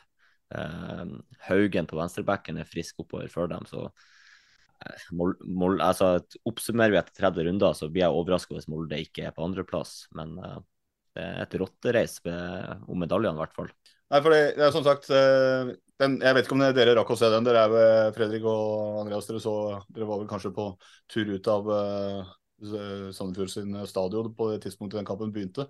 Men uh, Molde, sånn som det har vært til nå, uh, har dere fått med noe av den første omgangen f.eks.? Den var jo, i hvert fall som jeg så, meget solid. da. Ja, jeg, jeg titta litt på, på, bussen bare, litt kort innom. og Det jeg så da, er jo at Molde er, er litt til å kjenne igjen. da. Så de har fryktelig mye bra spillere. Jeg er jo veldig glad i han Breivik. Jeg synes han er, eh, Nå har han jo begynt å få skryt, da, men jeg syns han, har vært, eh, han har vært fryktelig undervurdert. Han er eh, rett og slett knallgod. Så Molde er litt, litt på gang igjen, altså. Samtidig som Brann går litt andre veien. Men jeg fikk ikke sett så mye mer andre gangen, så jeg kan egentlig ikke si litt, uttale meg så mye om det. Men jeg tror eh, Molde er virkelig på gang, og ja, jeg blir overraska hvis ikke de tar den andreplassen, egentlig. For uh, det er vel egentlig det eneste laget som på en måte, etter min mening, kan hamle opp med Bodø-Glimt. Nå er det løpet ganske skjørt, men, uh, men sånn i enkeltkamper så, så, føler jeg det er litt sånn 50-50 hvem som, som kan vinne de, da. Men de blir nok nummer to, tror jeg. Nei, for Vi har jo også snakka om det i poden. Jeg vet mange også har hatt fokus på det. Denne eh, branntroppen, A-laget, eller, eller førsteelveren er så god som, som, kan slå hvem som helst. Men eh, at troppen er tynn og eh, den har ikke blitt noe tykkere, om man kan si det sånn. Vi meldte det vel ja. Vi meldte det vel forrige episode at eh, hvis ikke Brann får inn forsterkninger nå som de begynner å tynnes ut, så mm. vil mm. de falle på tabellen. Og så syns jeg det er eh, symptomatisk for uh, Sivert Helten Nilsen, som uh, får seg en altså må være den tidenes største krampe. Eh, og han går og tøyer og tøyer og tøyer på slutten der for å liksom komme igjennom. fordi det er ikke noe alternativ å gå av. For hvem skal du sette på? Det er ingen. han skal ikke av. Men det er litt så symptomatisk, da. At nå er troppen der. og da, når du møter et Molde-slag, så, så blir det kanskje sånn, eller hva tenker du, Andreas? Jo, det tror jeg definitivt. Og så har vel de kanskje maksa litt den troppen og elveren de har og Brann. Eh, det, jo, det har vært gode og solide, selvfølgelig. Og det er jo mange av de spillerne som ble med opp fra Som valgte gjennom Obos, selvfølgelig. Men øh, gjorde det på en øh, unik måte. Men øh, jeg, jeg, jeg, tror ikke man Folk er så fryktelig overraska at, at Brann ikke vinner hver eneste fotballkamp med, med den troppen de har der. Men som sagt, det kunne vært litt annerledes. Arskan, jeg vet ikke, har du fått sett høydepunkter og sånn? Og sånn. Uh, men det er lov å si at det ikke er dumt at Brann ja, si fortsetter å fly. på måten den dekninga de har hatt hos TV 2 og sånn, det, det, har vært, det har kun vært Brann i monitor. Uansett hvor det går, så er det Brann. Alt det de gjør, er bra. Men til kampen så sett høydepunktene. Eh, det virker som at eh, Molde vant, for de hadde omgang. Eh, men så er det som du sier, da, litt tynnere tropp i Brann, som gjør at vi ikke kan gjøre endringer. Helt klart. Så er det Brann et nøtteskall dette her for, for, første gang så møter litt motgang nå på halvannet år. Og nå er det snakk om at kapteinen skal bort, og nå er, liksom, nå er kaoset tilbake. Nå, liksom, nå, kan vi, nå, kan vi, gå inn på Twitter etterpå og kose oss, for nå er Brann tilbake sånn som vi egentlig trives med dem. ikke sant? Ja. ja. Jeg så han lederen av Brannbataljonen sa at ja, det føltes som at vi har hatt to år nå som ikke er sånn som vi er vant til, og at nå er vi liksom tilbake der hvor vi er vant til å være. med at uh, nå, nå, må vi ha avklaringer og trenere og kaptein er ute i litt sånn feil kanaler og feil fokus. da. Uh, mm. det, men det er deilig at, vi er, eh, at noe liksom våre venner tilbake. Frank? Jeg har uh, flybillett til nest siste serierunde i Bergen, og jeg forventer nachspiel på stadion. ja, men du, Dette er en offisiell invitasjon Det kommer i sommer, det. Ikke tenk på det. Det kommer i sommer.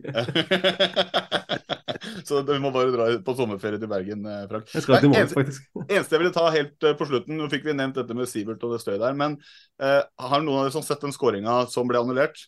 Bare, yes. Ja, Arskan så den. Hva tenker du om det? For jeg tenker mm, er, den, er, det også at jeg mener Er det det? Jeg tenker det er, det er sånn her, da. Eh, ja. eh, det, det, var så tight at, eh, at eh, litt, man blir litt usikker, men så ser man et par-tre ganger så tenker man all right, det er fair enough. Eh, det, var vel, eh, det var vel der jeg endte opp med å tenke at det var OK. Ja, Du kan leve med det? Ja. ja. Er, ja. ja men vi hadde sikkert fått kjeft av våre brannlyttere hvis vi ikke hadde stilt spørsmål, i hvert fall. Men eh, det var uh, konklusjonen på Eller da har vi vært gjennom alle kampene. Eh, så bare for å få litt grann fortgang på det. Eh, vi har satt opp et eh, rundens eh, lag og stjerner. Frank, kan ikke du lede oss gjennom det? Ja, I mål har vi han Sjøeng. Backfirer er Vilsvik, Valsvik, Oppsal og Haugen. Midtbanen består av Grønbæk og Mannsverk, med Lundqvist og Tripic på hver sin side. Brunes og Salvesen på topp. Benken blir Haikin, Kjelsen, Skovgård, Breivik, Eriksen, Stenevik og Accor Adams. Og stjerne denne runden går til? Braut Brunes får tre stjerner, Tripic to og Sjøeng ei. Sjøeng, hører du? Du er stjerna. Uh, vi tar uh, rundens plusser og minuser. Arskan, vi begynner med deg. Rundens pluss? Uh, han med Kjeldsen i, i Tromsø. Lyst til å begrunne, eller bare la det ligge sånn? Ja, det, det var en bunnsolid debut. 17 år gammel, altså. Uh, og så spiller du med Suta ved siden av deg. Uh, du får en dårlig måte å debutere på. Du prøvde Men, å snakke han inn på, på laget òg, du? På, på ja, jeg, jeg syns han var bunn, bunnsolid. Uh, mm. Så det var det, Han blir å spille mye til høsten, tror jeg. Mm. Frank? I og med at jeg stort sett er bare min egen kamp jeg har vært og sett, så må jeg legge det veldig personlig denne gangen. Plussen går til en tiåring. Og bare for å si det, jeg er veldig pro pyro, da går til en tiåring på uh, supporterfeltet vårt som plutselig bare drar opp en røykgranat og står midt i supporterfeltet og fyrer og koser seg. Drar opp på en sånn finlandshette og er helt konge midt i feltet. Slipper han inn på Aspmyra neste runde, han da? Nei, nei. Det er, det er, det er ti års utestengelse, det. Klink. Han kommer tilbake når han kan drikke sprit. Og, og naken, nakenvisitering når han kommer opp dit. så Fredrik, har du en uh, rundens pluss? Ja, rundens pluss for meg blir vel egentlig at uh, Rosenborg taper. Det koser jeg meg veldig mye med. Så det, det, det blir plussen fra meg, altså. ja. Andreas, er det samme? Nei, jeg tar rundens pluss, går til uh, Strømsgodset. For uh, imponerende gjennomført fotballkamp? Ja. Fire på rad. Uh, slår Sarpsborg og er, har ordentlig momentum nå. Jeg vil eh, faktisk gjøre noe så sjeldent som å gi rundens pluss til eh, Lillestrøm-supporterne på Lerkendal. fordi Uten at jeg eh, har noe spesielt til overs for de, så kan man jo si at de i hvert fall er konsekvente, eller i hvert fall prøver å være konsekvente på sin VAR-motstand. Så når de får denne VAR-avgjørelsen i sin favør, og Akor Adams brenner straffa, men setter returen, så er det i hvert fall en god del, om ikke jeg vet ikke om det var alle, som ikke feirer. Det er stor idrett når du vipper kampen på overtid borte mot uh, Rosenborg det i felles i VAR-kampen, og det er vel egentlig der likhetene mellom meg og Lillestrøm-supporterne uh, slutter. Men uh, det må jeg i hvert fall trekke fram som rundens pluss. Arskan, rundens minus? VAR. Terje Hauge og dommertimene. Altså, det er helt vanvittig. Og det, jeg tror du sa sist gang du var her òg. ja, jeg, jeg kommer til å si til den dagen jeg går i graven. Uh, fordi at den manglende kompetansen de sitter med de kunne brukt de 30-40 millioner kronene de skal bruke på VAR i sesongen på kompetanse. Eh, og kompetanseheving, eh, rekruttering, eh, lønning. slik at, og, og kanskje noen psykologtimer, slik at de forstår når de skal si at de har tatt feil og ikke. For det er helt vanvittig at de får til å holde på sånn. Og det er ingen konsekvenser. Det er absolutt ingen konsekvenser. Du kan ødelegge en kamp på, på søndag, så får du toppkamp neste helg. Det er helt bingo. Det er minusen min. Frank? Jeg er egentlig enig i at samtlige fem her burde ha en minus på dommere denne gangen her, men eh, jeg legger minusen på meg sjøl som reiser på bortetur, og så glemmer jeg stickersene igjen på hotellrommet. Fredrik? Uh, nei, denne, denne, gangen så sier det vel seg sjøl, ja. Det blir tøft å komme utenom uh, avgjørelsen uh, i går, dessverre. Så da blir det Det blir egentlig ikke mot VAR, men det blir mot hoveddommeren. Andreas? Får vi et overraskende vri på den, eller er det i samme gate? Nei, det er vanskelig å være uenig med Krøgstad der.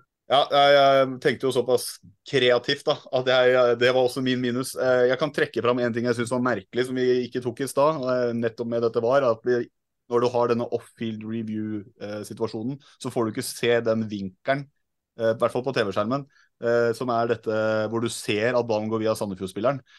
men du får bare se den ene vinkelen for å se om det er offside, men du får ikke se den vinkel nummer to. så ja, hvis jeg skal være spesifikk på minusen, altså bruk i hvert fall de vinklene du har tilgjengelig når du skal vise det til dommeren. Da. Men det er en ting jeg stussa på. Når de går ut og titter på den, ser de, de ser jo ikke alle vinkler.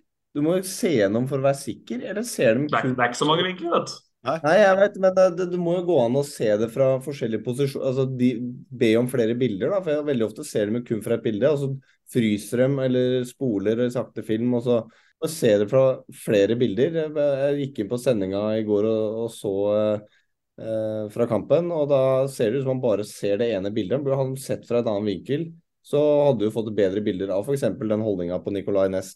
Hvis han mener at han er inne og forstyrrer, så kunne du på en måte sett eh, enda bedre bilder på det. da, men eh, ja, nå er vi i gang med denne VAR-diskusjonen. Men, uh... Da er jeg også en til. Siste jeg skal ta VAR. Men liksom, jeg bare syns den matchen i går oppsummerer hele hvordan liksom, fotballen har blitt litt. da. Satt meg i bilen fra Sandefjord. Jeg visste liksom ikke Er jeg misfornøyd med resultatet? Er jeg misfornøyd med prestasjonen? Er jeg misfornøyd med VAR? Er jeg misfornøyd med hoveddommeren? Jeg satt det bare som et stort spørsmålstegn og tenker bare sånn, hva, hva, hva, hva, er det som skjer? hvor er følelsene? Hva, skal jeg bli forbanna på?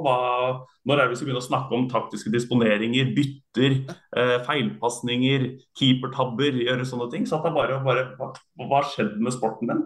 Ja, vi har snakka om Grytebost. Men fortvil ikke, Andreas. Om to til tre år, da er vi nok systemet på plass. Uh, da kan vi, da har vi alt på plass og kan Eh, gå tilbake og tenke på dommertabber Nei, beklager, eh, det kommer vi uansett til å gjøre. Men uh, keepertabber og andre ting. Så da var vi gjennom uh, rundens plusser og minuser. Uh, Superkjapt blikk før vi runder av med tre kjappe spørsmål til hver av dere og sånn. Så er det neste runde. ja da, kjære lytter, vi vet at det kommer en kvartfinale og sånn imellom, kvartfinaler i cupen imellom der. Men vi hopper til eliteserierunden. I neste runden, runde 14 altså, så er det VIF Molde som starter ballet på lørdag klokka seks. Eh, hovedrunden består av ÅFK Odd, Glimt Haugesund, Lillestrøm Sandefjord, Rosenborg Tromsø. Sarpsborg 08 tar imot HamKam, og Stabæk tar imot Viking. Og, og avslutter da med rundens hovedkamp, som er Brann Strømsgodset. Så da spør jeg dere, er det noen eh, ja, høydepunkter. Eh, Fredrik, hvilken kamp gleder du deg mest til? Nei, Vålerenga-Molde blir jo interessant. da Jeg liker jo for lørdagskampene, for da får man jo sett på kampene. Mm. Eh, så ikke Du gleder deg ikke til din egen? Jo da, men det blir liksom eh, Det blir litt godbiten det på søndag. Eh, Men sånn kickstart til helga med lørdagskamp der, eh, så det er ikke utenkelig at at det blir eh, på tribunen, faktisk. Eh, Jeg bor jo ja, Jeg og Odo er nesten naboer, så det er ikke utenkelig at jeg drar opp og titter på den. Det blir spennende å se hvordan eh, Vålerenga går ut mot et Molde som eh, er litt på gang igjen. Og så er det jo Eh, spennende med oss også, da, mot, eh, mot Viking, hvordan vi skal angripe den kampen også. Nå er Høg tilbake igjen, så det gir oss litt ekstra. Så det blir, eh, det blir spennende. Vi trenger jo poeng, vi òg, så det, det gleder jeg meg til. Eh, Andreas, noen eh, kamp du gleder deg til der? Nei, Det blir litt kjedelig å si akkurat samme som uh, Krokstad, da, men det er jo faktisk det. Det har jeg også tenkt meg på Intility på, uh, på lørdagen, og det er, uh, blir ekstremt viktig og, eller spennende å se om, uh, om Vålerenga kan komme noe som helst videre. Uh, eller om Molde fortsetter og kan jobbe seg oppover tabellen. Og så syns jeg kampen vår mot Viking på søndag også blir spennende å se, med, med tanke på oss da, som har hatt en litt dalende poengfangst, i hvert fall. Og et Viking som er i toppen, om, eh, om hvordan det blir seende ut etter den matchen. Arskan? Ja, jeg skal stikke og se på Vålerenga tape mot Molde på lørdagen. Eh, Det blir jo hyggelig. Også, det er jo det er det jeg ser fram til. Det blir spennende. Jeg tror også eh, Brann Godset eh, også kan bli en veldig fin eh, godbit. Se hvordan ståa er der. Alt spørs jo på midtuken, da. Hvordan eh, de kommer seg gjennom kampene der. Mm. Eh, Men eh, lørdagen blir selvfølgelig eh, en veldig fin godbit. Og Frank, du gleder deg selvfølgelig ekstra til Vålerenga-Molde du også, så vi bare hopper videre. Nei da, du skal få si hva du gleder deg til. Jo da, det blir jo en artig kamp å se lørdag. Men uh, ser jeg litt grann forbi min egen kamp på søndag, da. Jeg skal jo naturligvis på Aspmyra og se Glimt Haugesund, men det blir jo spennende å se hvordan f.eks. utfallet blir på Lerkendal mot uh, det som jeg ser på som pest mot pest. Uh, de to verste klubbene jeg vet av som skal møtes. Og det er sånn, Klarer Målen å faktisk eh, få med seg noe nå for en gangs skyld, eller er det her Gaute Helstrup-laget så solid at de kan dra på eh, ned til Lerkendal og ta med seg tre poeng derfra òg. Eh, rundens hovedkamp med Brann Godset, det er Godset med fire på rad. Har de fem på rad etter den? Det er litt spennende å se. Så nei, det blir en artig runde, og ikke minst en artig midtuke òg, selv om at du ikke hadde lagt det inn i programmet her. Nei da, men jeg har på en måte det. Fordi altså, Jeg sa at vi skulle avslutte etter tre kjappe, vi skal ta det nå. Men det er kommet inn tre spørsmål til, til dere, eh, Fredrik og Andreas, som vi skal ta helt på tampen. Eh, som vi ikke fikk eh, Jeg klarte ikke å flette inn, sorry. Men uh, vi tar de helt til slutt, fordi vi skylder lytterne våre det. Men uh, jeg bare har lyst til å oppover og svare det samme som alle andre i panelet og glede seg til samme kampen. Så da bare går vi videre på tre kjappe. Uh, og det er der jeg har fletta inn litt cup. Så Frank, er Molde friskmeldt nok til å slå Sarpsborg 08 i kvarten? Nei. Drar eh, Sivert Hetle Nilsen til Elsborg? Elfsborg? Nei. Neste spiller som skårer hat trick i Eliteserien? da? Dette er tre kjappe, Frank. Nei, Pellegrino. Arskan, Tromsø away eller Bodø away? Tromsø away. HamKam eller Glimt til semi, og hvorfor vinner Glimt med tre mål? En gang til. Jeg sa HamKam eller Glimt til semi, og hvorfor blir det Glimt som vinner med tre mål? Eh, Jeg eh, håper jo selvfølgelig på Glimt, nei, HamKam eh, til semien. Eh, Det hadde vært en fin vei til Ullevål for oss. Eh, og hva blir resultatet mellom Vålerenga og Molde neste runde? 1-3.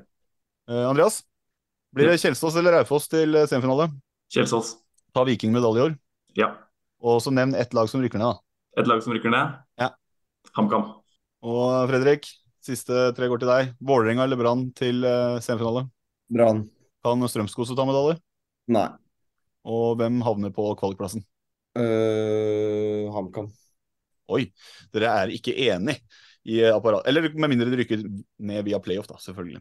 Men da tar vi de siste spørsmålene, og så sier vi takk for oss for i dag. Uh, for det har kommet noen spørsmål, og eh, det ene fikk vi fra Andreas i stad, men eh, om VAR, så det skal vi ikke inn på. Men du var litt innom at Høg er tilbake neste runde, Fredrik, så da kan vi spørre spørsmålet fra, fra Trusty, tror jeg denne kontoen heter. Er Høg like målfarlig på Tinder som på banen? Eh, nå har han ikke skåret så mye mål, da, så jeg vil jo si at han eh, er eh, mer farlig faktisk på Tinder, eh, ut fra det jeg har hørt. Så eh, han, må få, han, må få, opp snittet litt på banen også. Vil du, vil du fylle på noe der, Andreas? Nei, det, jeg tror han, han, har vært fin for oss, han. Men jeg tror han har vært fin uh, på Tinder òg. Mm. Det skal sies, da, han har god balanse, da. Uh, så han uh, han er god til begge deler. Så han er en herlig profil der, da, som, eh, som både er glad i damer, men uh, dæven han trener bra også, så det skal han ha. Han har vært en åpenbaring for Eliteserien å få inn han, da. Mm. Sånn som det har blitt. Men er... deg på. Født i 2000, altså. Skåret mål, har vært god for Stabæk og får det klink nummer 69 på ryggen og masse tatoveringer og bjuda på. Det er eh, Sånn trenger vi. Det var ikke mer som skulle til før det vekket interessen oppe i eh, Bodø. Bare... Hvor er han Kasper Høeg fra nyttår? Ja, Det vet vi, det vet vi jo og sikkert snart etter hvert. Da. Det er mye rykter der, men det blir spennende å se. Og så eh, er det et spørsmål fra Jan Godfrey. Han hører eh, på stort sett alt som er av norske fotballpodkaster. Holder med Viking. Hvordan klarer Kavran seg hos Stabæk? Jeg syns han klarer seg eh, veldig bra. Dessverre. Han er jo egentlig spiller som er veldig lite skadet, men vi har jo fasiliteter som hører hjemme på nivå fire eller fem, så det er klart det har satt en liten trøkk i Kabran, så han har fått seg en liten smell. Men han har vært veldig god for oss. Det, er, det har vært det er en svekkelse for oss at han er, er ute, definitivt. Kan du følge opp der, da, at han spør og hvis hvis Stabæk da blir nødt til å selge altså Jan Galfrid blir nødt til å selge eh, Høg i sommer, eh, eller eh, om det er håp for å beholde han, men hvis han forsvinner, er erstatteren klar? Eh, har man en plan i Stabæk for å erstatte Kasper Høg nå? Uh, jeg tror Nå er det ikke jeg som uh, tar de avgjørelsene der, men jeg tror det skal veldig mye til for at uh, Høg ikke spiller i Stabæk til høsten. Mm. Nå er jo Alle spillerne i Stabæk er til salgs, det er jo en selgende klubb. men jeg tror nok Høg skal bøtte inn litt mål på Nadderud osv. Ja, ikke avgang. Så får vi, faktisk, eh, vi får faktisk inn en eh, joker fra Kjelsrud etter hvert òg, som jeg tror kan, kan eh, by på litt X-faktor. Og om ikke prege kampa, så kan han i hvert fall være et uh, friskt pust uh, som uh, en, en, innbytter etter hvert. Så det, han er jeg veldig spent på. han kommer jo da i august, så det blir spennende å se, å se han etter hvert. Så det, det, kan jo være verdt å merke seg at det navnet, i hvert fall. Det er vel noen midler til Stabæk òg gjennom Vetlesen-salget til Glimt nå, så det må jo være litt grann å kunne forsterke med hvis det trengs. Apropos midler, eh, siste spørsmål. Erik eh, spør, eh, og det er kanskje kan du svare eh, som spiller, i hvert fall, Fredrik. Hvor god var egentlig Gift Orban? Uh, det, det, er jo for så vidt et, altså det et vanskelig spørsmål å svare på, for da, det var så høyt og lavt, og det gikk så fort. Mm. Så det er egentlig ingen som hos oss, verken meg eller noen av de andre, som egentlig hadde sett for seg at det skulle gå så fort. Men han var jo enorm sånn kampspiller og fryktelig dyktig til å havne der hvor ballen datt ned, eller sette seg i situasjoner hvor han var avgjørende. da.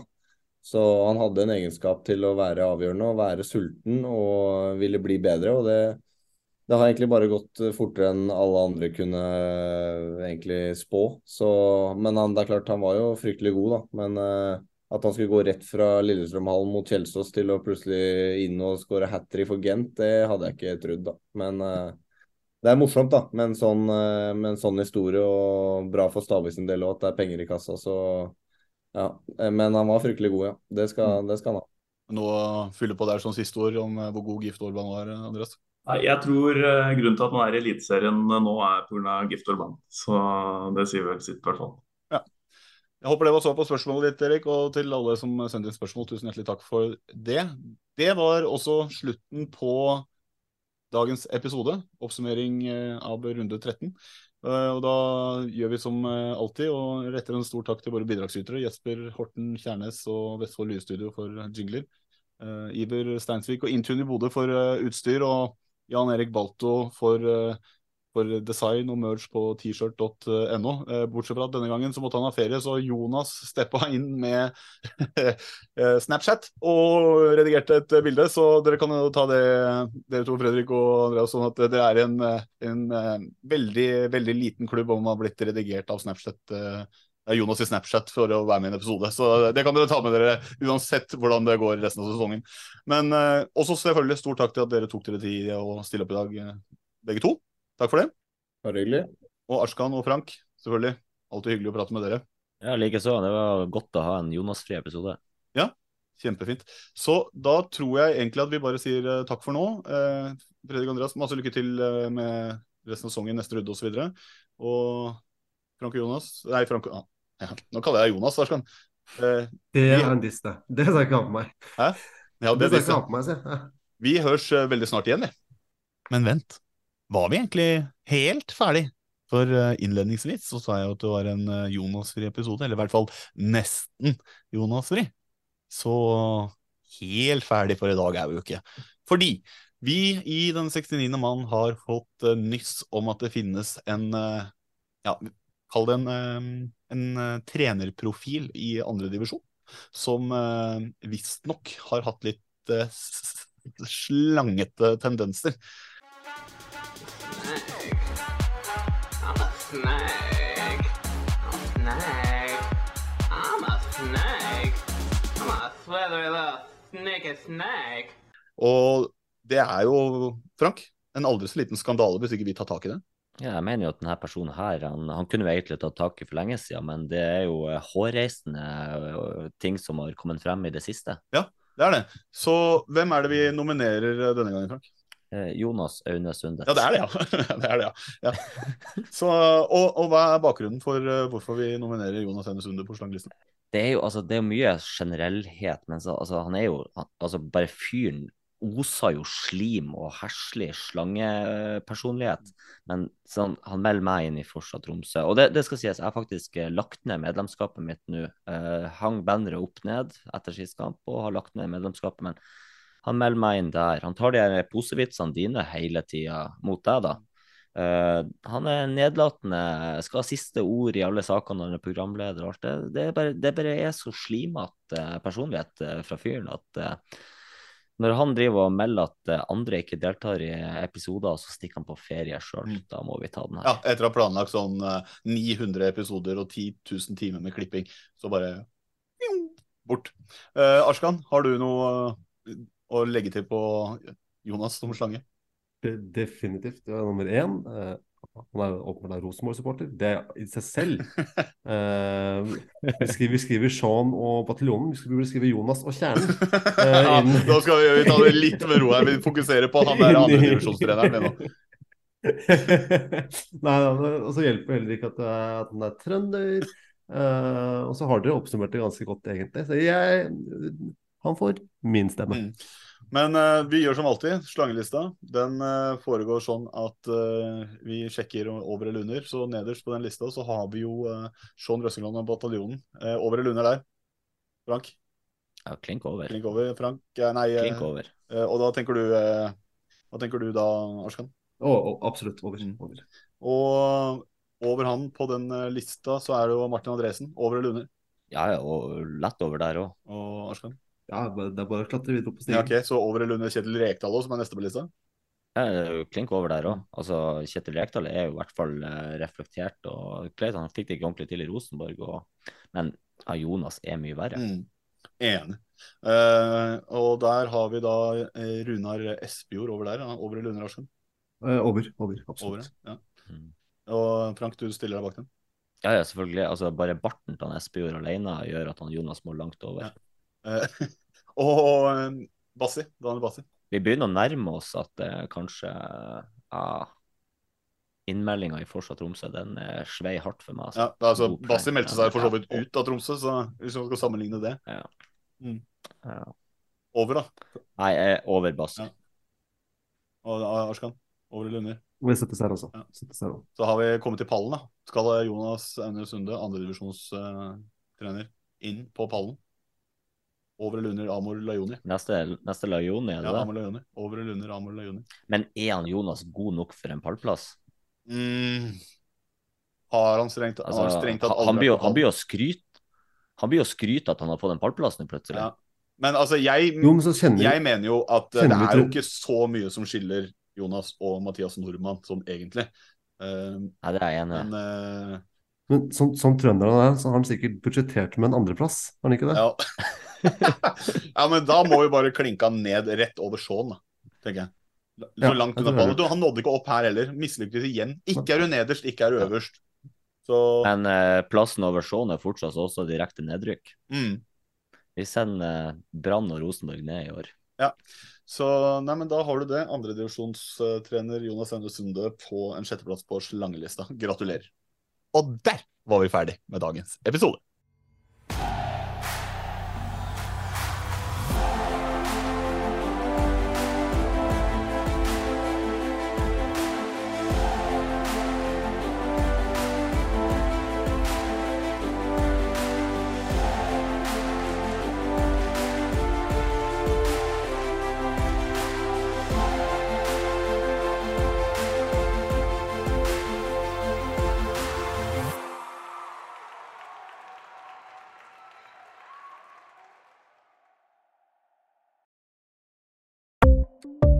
Ukens annonsør er HelloFresh. HelloFresh er verdens ledende matkasseleverandør og kan være redningen i en travel hverdag. Mange av oss har nok vandret i butikken både sultne og uten en plan for middagen, som ender med at vi går for de samme kjedelige rettene gang på gang. Middag burde være dagens høydepunkt. Som HelloFresh kan du nå velge mellom 25 ulike retter hver eneste uke, eller få HelloFresh til å sette sammen menyen for deg. Dette gir deg muligheten til å prøve nye og spennende retter alene eller sammen med familien. Du velger antall porsjoner og får alt levert på døren på et tidspunkt som passer for deg. Oppskriftene er enkle, og maten er lett å lage både for store og for små. Ved å få alt levert hjem får du også mer tid til å dele matgleden med familie og venner. Kanskje det frister med asiatiske tacos eller greskinspirert kylling? Da kan jeg anbefale deg om å gå inn på hellofresh.no. Her kan du bruke koden FOTBALL og få opptil 1779 kroner i rabatt på de første fem matkastene hvis du ikke har prøvd HelloFresh tidligere. Du kan også bruke rabatten hvis du har vært kunde og stoppet abonnementet ditt for tolv måneder siden eller lengre. Gå inn på hellofresh.no og bruk koden FOTBALL. Ukens annonsør er Folio, en smartere banktjeneste for deg som har en egen bedrift eller ønsker å starte for deg selv. Folio er en superenkel nettbank for bedrifter. Som kunde i Folio får du en bedriftskonto med et bedriftskort og app. I denne appen er det smarte løsninger som forenkler regnskapet ditt, uansett om du har en liten bedrift eller et enkeltpersonsforetak. Folio er både intuitivt og brukervennlig, og er laget med et enkelt språk. I tillegg tilbyr de forutsigbare priser og ingen skjulte gebyrer. Skulle du likevel trenge det, så kan du snakke med deres raske og hyggelige kundeservice, og der får du prate med en faktisk person og ikke en chatbot. Folio er med andre ord både enklere og koseligere enn banken. Over 10 000 bedrifter har allerede valgt Folio som sin banktjeneste, så besøk folio.no og se hvordan Folio kan forenkle din hverdag også. Har du et enkeltpersonforetak eller en liten bedrift? Da er du sikkert lei av å høre meg snakke om hvor enkelt det er med kvitteringer og bilag i fiken, så vi eh, gir oss her, vi. Fordi vi liker enkelt. Fiken superenkelt regnskap.